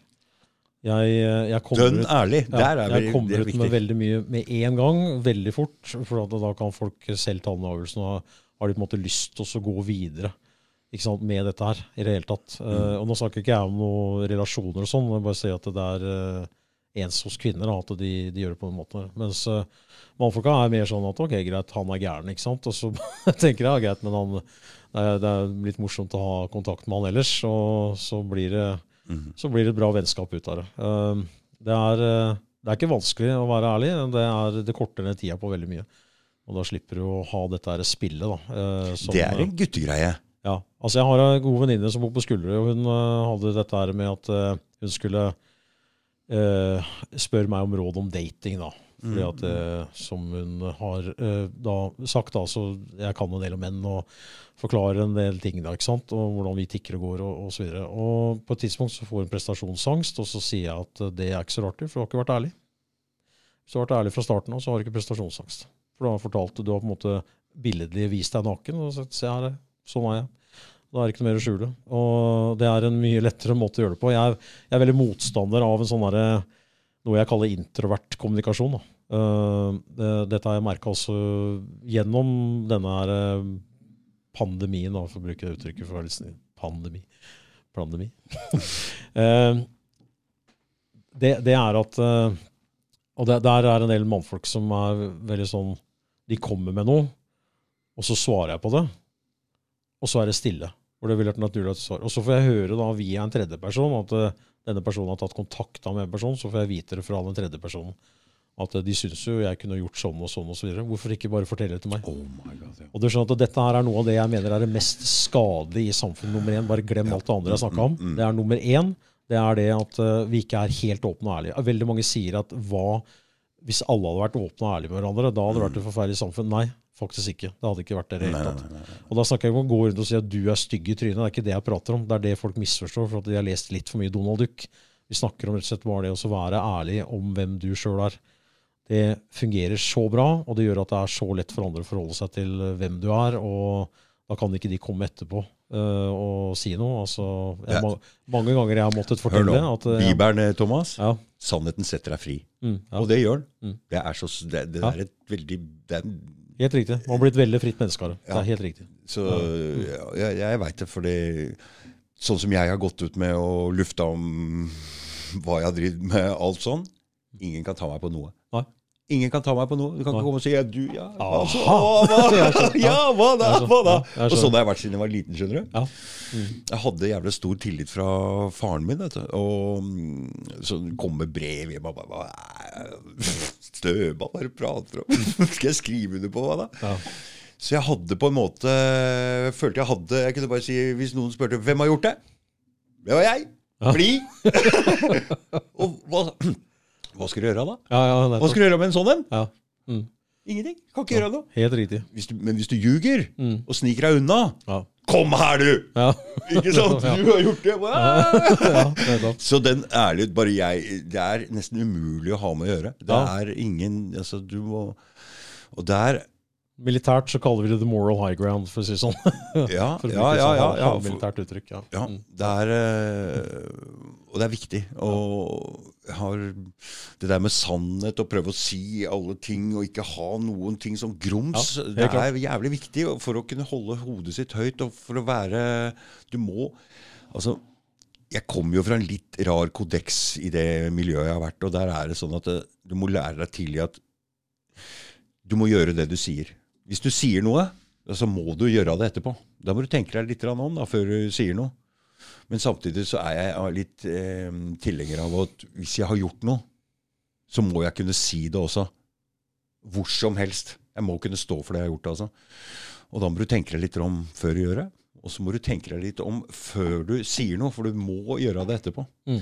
Og dette er litt viktig, syns jeg. Eh, Du må kunne holde, hvis du holder deg til de spillereglene der, så er du, så er du innafor. Og det er ikke Det er bare å si altså, Hvordan man er inni seg òg. Mm.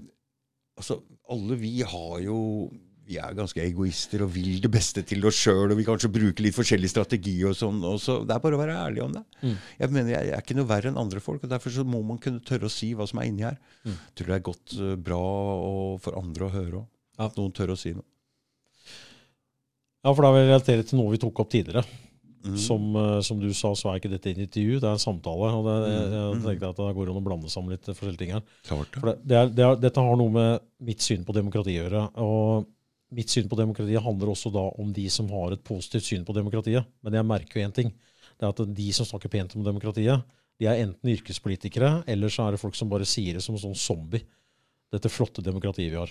Mm. Um, demokratiet har bevist 100 og da snakker jeg om det vi har hatt de siste 100 årene, at ytringsfrihet og demokrati ikke hører sammen. Det er det veldig mange som tror. De to kan være veldig motstridende. Dette ser vi tydelig. Vi ser hvordan Nato-land, som sier at de bomber eh, land for eh, demokratiet sin skyld, Mm. eh, har, folk, har har. Folk i fengsel pga. deres meninger. Det har vi sett. Mm. Dette har skjedd om og om igjen. Og det er det at når man har en bevegelse, når man har et miljø, og man sier at du, vi er for demokrati, underforstått, vi er for ytringsfrihet, så kan man i hvert fall ikke klage når man sensurerer andre om at man blir sensurert sjøl. Du Men- kan ikke altså, Fordi jeg veit en annen som var mot demokrati. Han sa, kalte dem for 'disse demokratilagerne'. Lagerne Mm. Ja. Mm. Democracy makers. Ja, ja, stemmer. Ja. Mm. Der har vi det. Dem hadde han ikke mye og, og, og det er lenge siden. Mm. Og de holder på ennå. Ja. De skal lage demokrati i, i alle land der nede. Det er derfor de bomber dem sønder og sammen. ja, vi må drepe masse folk for å lage demokrati. Det er ja, helt klart. det er For, for det har blitt, men det har blitt brukt som en slags sånn eh, Det er moral high ground, altså for å gå inn der og, og, og, og lage demokrati. Der er ok. Ja, helt riktig. Mm. Og Og du veit hvem jeg prater om òg, ikke sant? Som jeg, sa det i en tale. Jeg snakker jo om Woodrow Wilson. Nei, drit i det. Ja, nå henger jeg med. Greit, ja. ja. Ja. Skjønner, ja. ja. Og det, det er riktig. Og det, det vi har hatt, vi har hatt samfunn med ytringsfrihet. Eh, hvor man ikke nødvendigvis hadde demokrati. Vi kan gå tilbake til renessansen i Italia. Mm. Hvor du hadde virkelig fri flytt. Og det var bøker og teaterstykker og altså kunst osv. Renessansen, når er det hvilket årstall prater vi om? Vi snakker om rundt 1620-1640 rundt der. Mm. Så jeg skulle hatt med en kamerat av meg, han kunne pinpointe han nøyaktig datoen. Men, Ja, ja, ja, jeg tror jeg veit hvem det er. Men, eh, ja. Jeg mener å huske dette Det er et eh, Ja, nei, vi får la det ligge nå. Mm. Men i hvert fall så, så er det eh, På den tiden her så, så var det ingenting som ble holdt igjen. Og, og du verden så fascinerende. Så der har vi faktisk eh, en av de aller første feministiske bøkene. Eh, jeg har veldig mye feministlitteratur hjemme. Jeg har vært feminist sjøl, så jeg veit hva jeg snakker om. Å ja. Ja, ja. ja det er, jeg vet hva jeg prater om. Når jeg sier at dette er en ond ideologi, så er det det. Punktum. Det er ikke noe Jeg, jeg dis diskuterer gjerne det, men Mm. det, jeg sier punktum var sånn Mm. retorisk, da. Saken er at uh, det var en av de første feministiske bøkene som ble utgitt akkurat i Italia i den perioden der. Uh, og det, det forteller veldig mye. Uh, det er liksom på en måte første versjonen av et dukkehjem av Ibsen, fordi det var det samme da også. Det er overklassekvinner som klager på at de kjeder seg. Det har mye med kvinners biologi å gjøre osv. Dette er folk som hadde tjenere på alle hender og føtter osv. Så, så, så dette ligger i kvinners natur, men det er en lang historie. Jeg tar opp det på Malkanalen også, så folk kan heller se det der. Eh, betent? Ja, det kan du godt si. Men eh, altså, jeg bare syns at eh, det er på tide å få fram sannheten. Og så begynne å skjønne hvem vi er, hvordan vi fungerer osv. Hvordan samfunnet fungerer. Altså, er, eh, jeg ser ikke noen grunn til å holde igjen eh, med noe som helst lenger. For vi har ikke tid til å drive og dille og dalle. Eh, det ikke Det går ikke. Så, så for å trosse demokratiet så benytter jeg meg av ytringsfriheten og sier ting som er nettopp motsatt av hva nettopp demokratiet fremmer. Blant annet disse tre markeringsdagene som jeg snakker om, så kommer nå de neste seks månedene. Det er, eh, Jeg ser ikke noen grunn til å holde tilbake det. Nei. Du prater om 1. mai, du prater om 8. mars, 8. mars, som Også- er kvinnedagen. ja, og så prater jeg om en annen dag. Ja. Den tar vi ikke opp. Den tar ikke opp den. Nei, nei. For der sa du noe rart i stad. Hva var det du sa det var? Jeg sa at det er helt begredelig å se at folk kan tro på at barn Tenne kan på fyrstikk At barn kan fly, at du trenger bare en fyrstikk for å brenne opp et barn. ja. Altså Når folk tror på dette her, så kan jeg ikke ta dem seriøst. altså. Men det er veldig mange som tror på det. Veldig mange, De aller fleste i samfunnet tror på det. Og det er eh, tra tragedie å se på. Det er uh, rett og slett uh, Ja, Du vil ikke si hvem dag det var? Nei, det kommer jeg ikke til å ta opp her. Få gå på Mannekanalen, kanskje han tar opp der. Nei, jeg tar ikke opp der heller. jeg gjør ikke det. Men jeg har hinta veldig mye om det i appellen, den appellen jeg hadde 4.9, og i og for seg nå også. Jeg, jeg kan gjenta noe jeg tok opp i appellen 4.9, og det er at altså, når systemet gjentar noe om og om igjen, så er det en grunn til det. Og Det er der jeg ber folk om å våkne opp altså, og virkelig begynne å skjønne hva, hva slags konstellasjon vi har, hva slags samfunn vi har. Også. Det er eh, kanskje litt viktig å se på hvem er skurker, og hvem er de snille, for å si det veldig svart-hvitt. Hvem er det systemet forteller er skurker, og hvem er det systemet forteller er de snille? Eh, er, eh, jeg husker i 1992, det var eh, syv år før jeg våkna selv, så sto jeg på vernepliktsverket, jeg jobba der, det var en eh, relativt mye større greie den gangen, da. og diskuterte med en av sekretærene at, eh, at eh, han Bill Clinton han var jo så ålreit. Han var en kjempekar, hun var helt enig. Kjernekar. Og vi syntes det var så fælt å se hvordan norsk media kritiserte han så mye. Det var så urettferdig. Ja. Man kan jo se det på han, han er så god og snill. Ikke sant? Jeg har vært der sjøl. Jeg vet. og det, det innrømmer jeg. Og jeg har fortsatt gjennom livet mitt så er det mange ting, mange områder jeg skal våkne opp på og innse osv. Mm. Uh, og det er uh, dette her som er veldig viktig for meg med nettopp det å få ut ting. Jeg, altså, det, det, er ikke, det er ikke min jobb å fortelle hva andre klarer og orker osv. Men jeg blir rett og slett litt sånn, uh, nesten litt sånn oppgitt trist omtrent uh, når jeg hører uh, covid-aktivister si at de orker ikke å se på TV 2-nyhetene og Dagsrevyen. Jeg mener at det er helt essensielt. Du er nødt for å vite hva fienden prater om. Og det er veldig rart når noen få mennesker kommer hjem til meg, og de ser bokhylla, da, så, så er det veldig sånn Å ja, du er sånn, ja. Å nei, du er sånn, ja. Du er sånn, ja. Ikke sant? Og så videre. Fordi jeg har jeg har bøkene til mine fiender. Mm. De, de er i hylla mi. Jeg vil gjerne vite hva de er. Noen av de bøkene henger med meg fra en tid hvor jeg var enig, men jeg har dem fortsatt. Noen har jeg lest to ganger da, ikke sant, for å lese det med nytt perspektiv. Da. Mm. Eh, sånn er det. Og det, dette her er eh, Det er en redsel i samfunnet. Veldig stor redsel for å, å diskutere ting. Og nå har vi vært inne på tema som vi ikke kan gå inn på.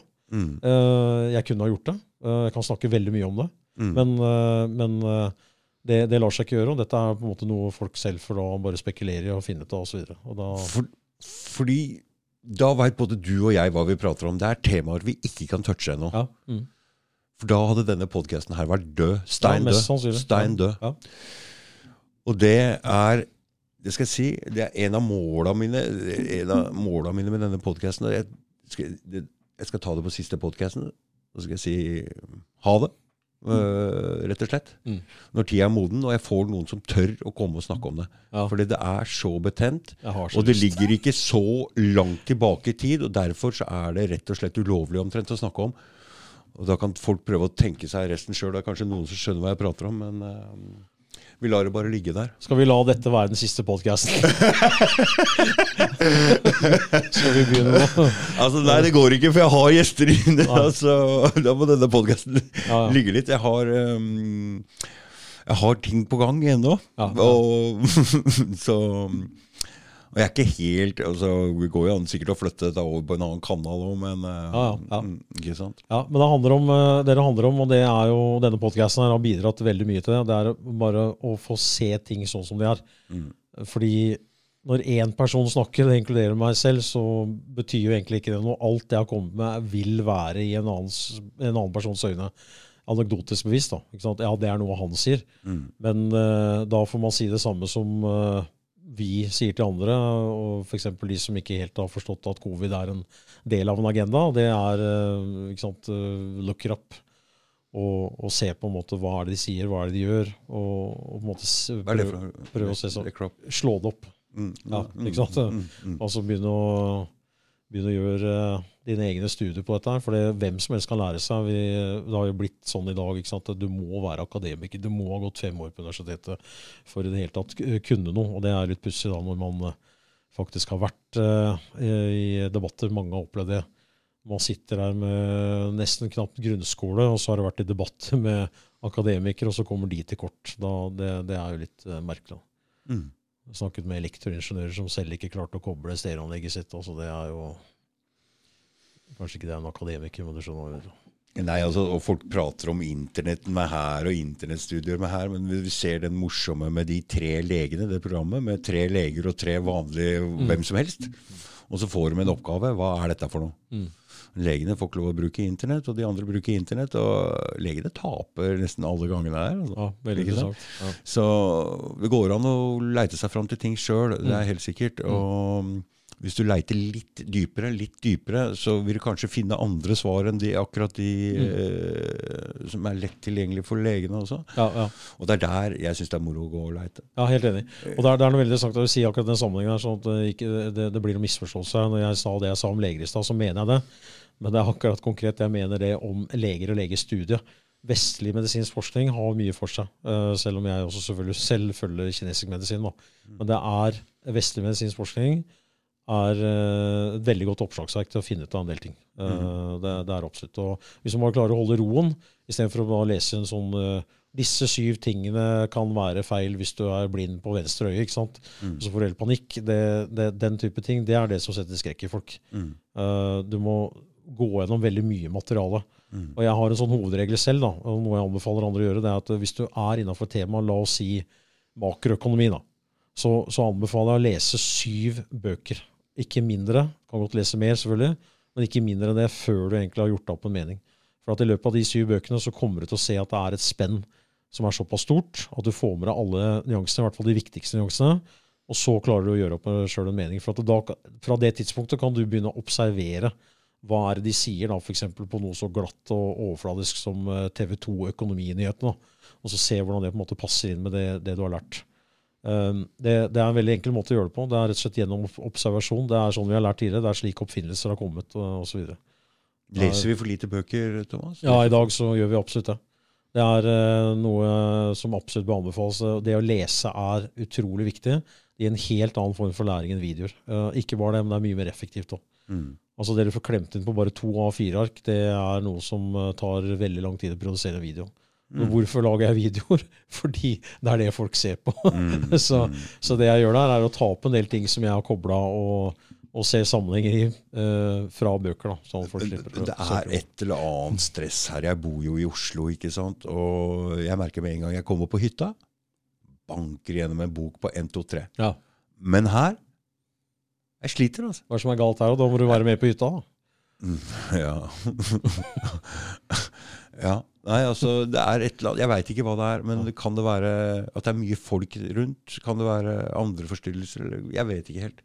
Har du dårlig mobildekning på hytta, så Jeg kan det har være det. Jeg har det. Der ser Det er dårlig mobildekning. Ja, det er ikke noe TV der. Det er ikke noe Det er nesten ikke folk rundt der i hele tatt. Det er, altså, når du kommer dit, så er det en helt annen ja. ro. Ja. Mm, Det er ikke strøm der ordentlig heller. Nei. Ikke sant? Mm. Så Nei, Stearinlys og utedo det hjelper på leselysten. Det skal jeg skrive det på. Jeg vet ikke hva som forstyrrer her, men jeg, hele tiden har tenkt, jeg tenkte kanskje det er for mye folk rundt her, så du merker noe greier. Eller er strømmen, eller er det stråling, eller hva faen det er? Et eller annet er det. Ja, ja. Det kan bare være at det er andre distraksjoner her òg. At du er i en annen setting her, og det er jobben, og der har du fri, og jeg, jeg, jeg er usikker. Mm, ja. Det er ikke så farlig. Det er sånn. Det er sånn i hvert fall. Det har alltid vært lesegreia mi. Ja. Vi ble låst oppå der hele sommerferien, vet du, og der gikk til hele Morgan Kane-serien og alt mulig når du var drittunge. ikke sant? Ja. ja. Så jeg vet ikke, kanskje det er bare noe som henger igjen fra den tida. Ja, ja. Ja, nei, helt klart. eh, Det leses for lite. Det er ganske interessant å se. Det har aldri vært utgitt så mange bøker eh, i historien noen gang som, eh, som nå. Og det har aldri blitt lest så lite. Helt riktig, ja. Mm. Og, det vi har, vi har kvinner som for å generalisere her, og så har vi kvinner som leser mer enn menn. Mm. De leser mye litteratur. Ja. Krimromaner, blant Mm, annet. mm, mm. Og så, så det er på en måte Vi kan si Hva skal jeg si mer sånn med, tanke på det å ha en diskusjon, da, så har jeg Mm. merka veldig, veldig stor overgang fra 30 år tilbake fram til nå. Hvor, eh, hvor det er veldig mange man ikke kan diskutere med. Man uh, hører at uh, det mangler dybde. Uh, Mm. Og det, det er veldig sørgelig. For da er det også vanskelig å få fram budskapet sitt. Du Mm. får sagt mindre. Har folk blitt dummere? Eh, IQ-testene til Forsvaret viser det. Og som instruktør over en 25-årsperiode nå, så det vil si det er vel eh, 23 år, så har jeg merka at eh, de har i hvert fall blitt slappere. Hvis vi, ser, hvis vi ser på gamle Kanskje bøker dum. som Hamsun og sånne ting, språket var mye rikere òg. Veldig. Ja. Veldig, ikke sant? Ja. Mm. Det var kanskje færre som leste, men men språket Altså Språket har noe med forståelsen vår å gjøre, har det ikke? Jo. Jo flere ord du kan, jo mer rikt du klarer å uttrykke deg, jo smartere på en måte blir det, jo flere lag det blir. Mm. Vi bruker vi bare noen få hundre ord, ikke sant? Og, vi, og samtaler er eh, nesten dødt. Ja, det er riktig. Og det, eh, samtalen mener jeg er en del av uh, dette viktige å hva skal jeg si, se seg selv i speilet naken. Men bøker i uh, vel så stor grad, kanskje mer, Mm. gjør at du, du blir Jeg liker ikke det ordet nyansert, fordi historien viser at det er ikke de moderate som har endra historien. Men du får andre perspektiver, og du blir mer ydmyk. Det er et ord jeg liker. Mm. Du blir mer ydmyk overfor det du selv mener, og, og andre perspektiver også. Det gjør det ved å lese. Det, det kommer en innimellom, så er det noen ikke sant? Oh, jøss. Det der har jeg ikke tenkt på, ikke sant? hvor du møter deg sjøl ute døra. og sånt. Det, Mm. så det, Derfor mener jeg det er viktig. Da. Det er en viktig del av folkeutdannelsen. Men det er klart alle liker jo ikke å lese bøker. Sånn er det, og sånn har det alltid vært. da. Mm. Uh, vi kan snakke så mye vi vil om at i gamle dager hadde ikke folk tilgang til bøker. Men uh, hvordan det er i dag det er I dag har barn har tilgang til en pad. Mm. Så jeg vet ikke helt hvor bra det er. Uh, altså det vil si underforstått, du vet hva jeg mener. Mm. Denne lange tanken, da. Ikke sant? Resonnementet. Som går over mange, mange setninger. Den er mer eller mindre ikke borte, men den er eh, svekket. Og det gjør at folk kanskje virker dummere. Det er vanskelig å tenke flere trekk fremover. For det husker jeg før når jeg skal prøve å forklare noe, så måtte jeg liksom Jeg må tenke én pluss to Så ble jeg avbrutt hele tida. Vil de diskutere én? Ja, men hør bare hør ferdig, så jeg får ikke én pluss to pluss tre. Kan det være fire? Jeg kom aldri Jeg vil ikke høre hver skjønner du hva jeg mener? Ja, ja, jeg skjønner. Hvis du skal argumentere for noe som og liksom, Men, men ja. Så det er vanskelig eh, å diskutere eller snakke med folk og ikke ha tålmodighet til å høre ferdig argumentene før de skal ta fra hverandre. Ja, det er eh, Jeg tror det vi Det er en annen ting. Når vi Det vi ser av diskusjon på TV, så ser vi altså politikere som står der med et ferdig partiprogram. De kan ikke forandre mening. Det eneste det går ut på å ikke forandre mening. Det er jo ikke sånn en diskusjon skal være, er det Thomas? Uh, bør ikke det være noe som skal fram til noe? Legge fram argumenter, se hva som leder fram. Kan vi komme fram til skjønne noe, forstå noe? Istedenfor så ser vi det motsatte av en eh, diskusjon. Altså Det er om å ikke forandre mening på alle mulige juksete måter, og ikke om å ikke svare. Det du snakker om nå, det er partipolitikk. Mm. det Ja, men Det er det vi tror er en diskusjon. Om å ikke Ja, forandre i og mening. for seg, i og for seg ja. Ikke men sant? Ikke sant? Den, den er jo nødvendigvis veldig snever. Og det sier jo til dels politikerne selv òg. Mm. De er veldig klar over det. Altså, jeg husker Kristin Halvorsen fleipa jo om at uh, hun, eh, hun, var jo tydelig i et intervju ikke enig i hele programmet til eh, Sosialistisk Venstreparti som hun leda. Mm. Eh, og selvfølgelig journalisten ville gjerne vite hva hun var uenig i, og det kunne ikke hun si noe om. da. Eh, dette, er, dette er sånn der partipolitikken er slik. og det blir også sagt da at eh, hvis dette er det viktigste og mest kjære vi har, som Greta Thunberg sa, demokratiet, så blir det jo til at eh, hvilken stemmeseddel er det du kan legge da i den urnen som eh, gjør at du prostituerer deg minst eh, der det vi er. Så de andre diskusjonene er i og for seg, jeg kan være enig i det, borte. Det er mulig som sånne bokprogrammer på NRK hvor de diskuterer noe litterært. Jeg, jeg er ikke interessert i romaner osv., så, videre, så jeg følger ikke med der i det hele Ikke tatt. Eh, så, men det, Men burde vi hatt en slags opplæring i hva det egentlig er, handler om, å kunne ha en diskusjon uten å være uvenner, for å klare å komme fram til noe? Burde vi hatt uh... Nei, jeg mener at vi trenger ikke det. Det vi trenger, er rett og slett 100% ren ytringsfrihet. Det er alt. Mm. 100 Hvor du ikke mister jobben og blir fengsla og du får bøter osv. for å si noe. Det er det vi For trenger. nå er det det. Nå fikk noen sparken på har fått noen sparken på skoler her igjen, var det det? Og noen islamgreier. Ja, det stemmer, det. Mm. det er, ja, det, det er riktig. Ja, det er, eh, og som sagt, jeg er ikke noen antimuslim i det hele tatt, men det er, det er helt begredelig. Det skal ikke være sånn i det hele tatt. Det, det er, eh, jeg måtte bare tenke meg om hva du, hva du snakket om. Eh, Det skal overhodet ikke være sånn. Det er, skal være fritt fram. Mm. Eh, For vi må kunne snakke om alt. Ja, vi må kunne snakke om alt det. For Og om så- innvandring. Ja, for det hva er det som er så Jeg, jeg har inntrykk av i dag, så, så har man en sånn Hvis du sier det, da er det veldig kort vei til at du gjør det. Nei, det er ikke det. Overhodet ikke. Det er, det er veldig, veldig langt unna. Mm. Uh, I hvert fall som en person som meg, som eh, i veldig stor grad er teoretiker, så er det veldig langt unna at jeg gjør noe uh, med de tingene jeg mener. Uh, men jeg mener at det må fram. Og så for at vi må ha en Det er det som er nyansene. Mm. Vi kan ikke ha en, et, et sånn enveisløp. Når det f.eks. gjelder kvinnesaken, så er det jo det er bare det kjører én vei. Da. Det er ikke noen nyanser i det hele tatt. Og når jeg kommer inn da med faktisk noe som er noen nyanser, så, så er det en del som blir veldig sinte. Da.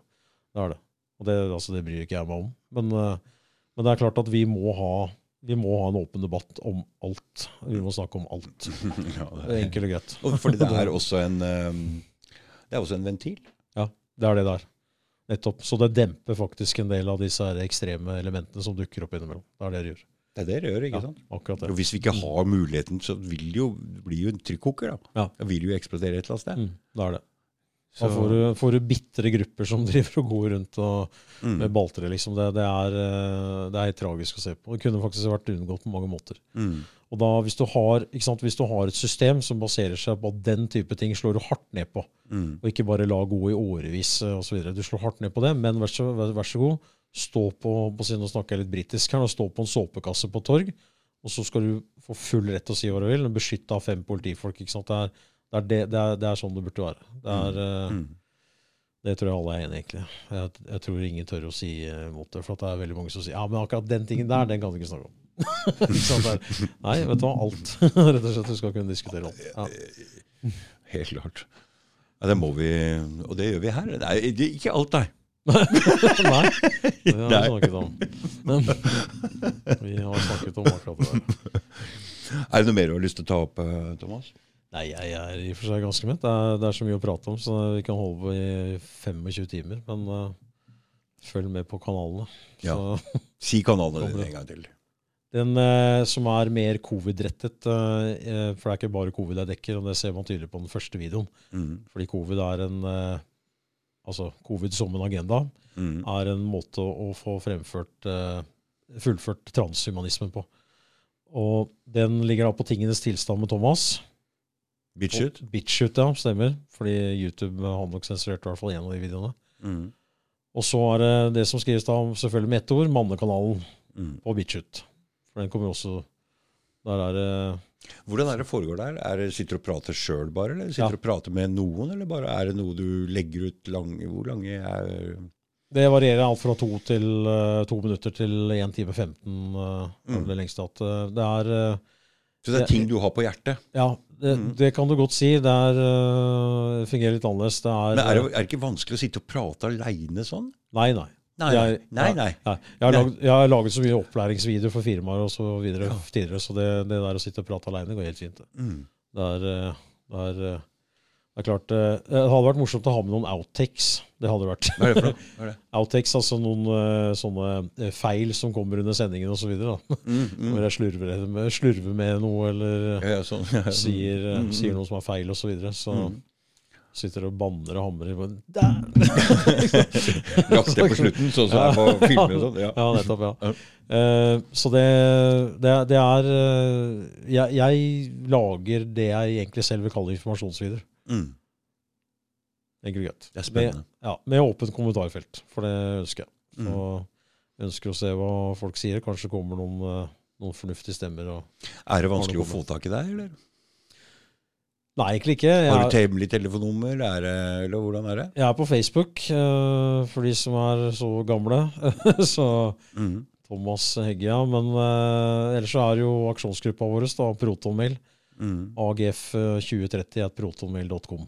Mm. Men det går an å bli Facebook-vennen din og legge, snakke med deg på Messenger, f.eks. Ja, ja, hvis du har an. lyst til å Ja. ha noe kontakt med deg, eller ja, Mm. snakke med deg. Det er ikke så vanskelig. Det er ikke viljen. Nei. Nei da. det. Nei da. Det, det er eh, Altså, jeg kjører, jeg kjører veldig åpen profil. Det er, det er litt av ånden i AGF også. Mm. Eh, Vi har jo fortsatt da én som er anonym, men, eh, men nå har jo Line Karlsen stått frem for en stund siden, og hun statistikeren vår sa jo sånn Veldig mange vet hvem hun er, for hun dukker opp på møter og diverse. Så, Mm. ja. Mm. Mm. Det er bra. Da skal du få lov å reise hjem til Skal ikke si det. til landet. Bort på landet. ja. Bered nå. Ja. Akkurat det. Nei, det, er det, det er viktig. Altså, jeg står fram fordi eh, det er eh, Jeg gjorde det. Jeg gikk med eh, runde med meg sjøl i fire måneder. Uh, og vurderte om altså Skal jeg gjøre dette, skal jeg ikke gjøre dette? Fordi jeg ville bare renske meg sjøl for å se om altså Gjør jeg dette her for egen vinning, eller gjør jeg det for noe rett og slett større enn meg sjøl? Og det, det jeg, Ja, for her er det noe, nå er det større enn oss sjøl. Ja, helt klart. Ja. Altså, det, jeg har sikkert sagt det mange ganger òg, men hadde jo ikke hatt tanken på noen podkast før Ja, du veit når det skjedde, og du Ja. vet liksom hva den energien her som er den greia her, Mm. um, er det som er poenget her. Mm. Jeg hadde ikke hypp på å ha video engang. Ja. Altså, jeg hater å se meg sjøl. Faen, ser jeg sånn ut, liksom? Faen. vet ikke. Så. Og så syns du Altså, jeg drev med lydopptak på kassettspiller var, fra jeg var seks år gammel. Ja. Så jeg hørte jo min egen stemme hele veien. Men uh, det er veldig mange som reagerer på sin egen stemme. Mm, jeg gjør det selv. Du hører ikke din egen stemme. Nei, nei, det er Nå- ikke sånn nå det høres ut. Nei, det er det. Nå har jeg hørt så mye at nå Det er greit. Mm. Ja. Mm. Sikkert må du bare drite i. Ja. Så jeg hadde ikke noe behov for å stikke meg fram i det hele tatt. sånn. Det er ikke det det handler om i det hele tatt. nei, det er akkurat det. Ikke det hele tatt. Og det er litt trist. Det er, det er noen som tror det i mitt tilfelle, men altså, det er, tror jeg er ganske klart bevist at det er ikke det det handler om overhodet. Altså, For da har du feil energi på det her. ha- ja, helt riktig. Hadde jeg tenkt meg sjøl, så hadde ikke folk sett trynet mitt. Det kan jeg love. Det er det Da hadde jeg drevet med noe helt annet. Mm. Det er eh, rett og slett eh, så så interessert er jeg ikke, altså. Men det er en kamp vi må ta. Så mm, greit er det. Mm. Ja. Ok, Thomas. Takk for at du kom, og takk for at dere delte. Takk for at jeg fikk komme. Ikke si. ha det. Ha det bra.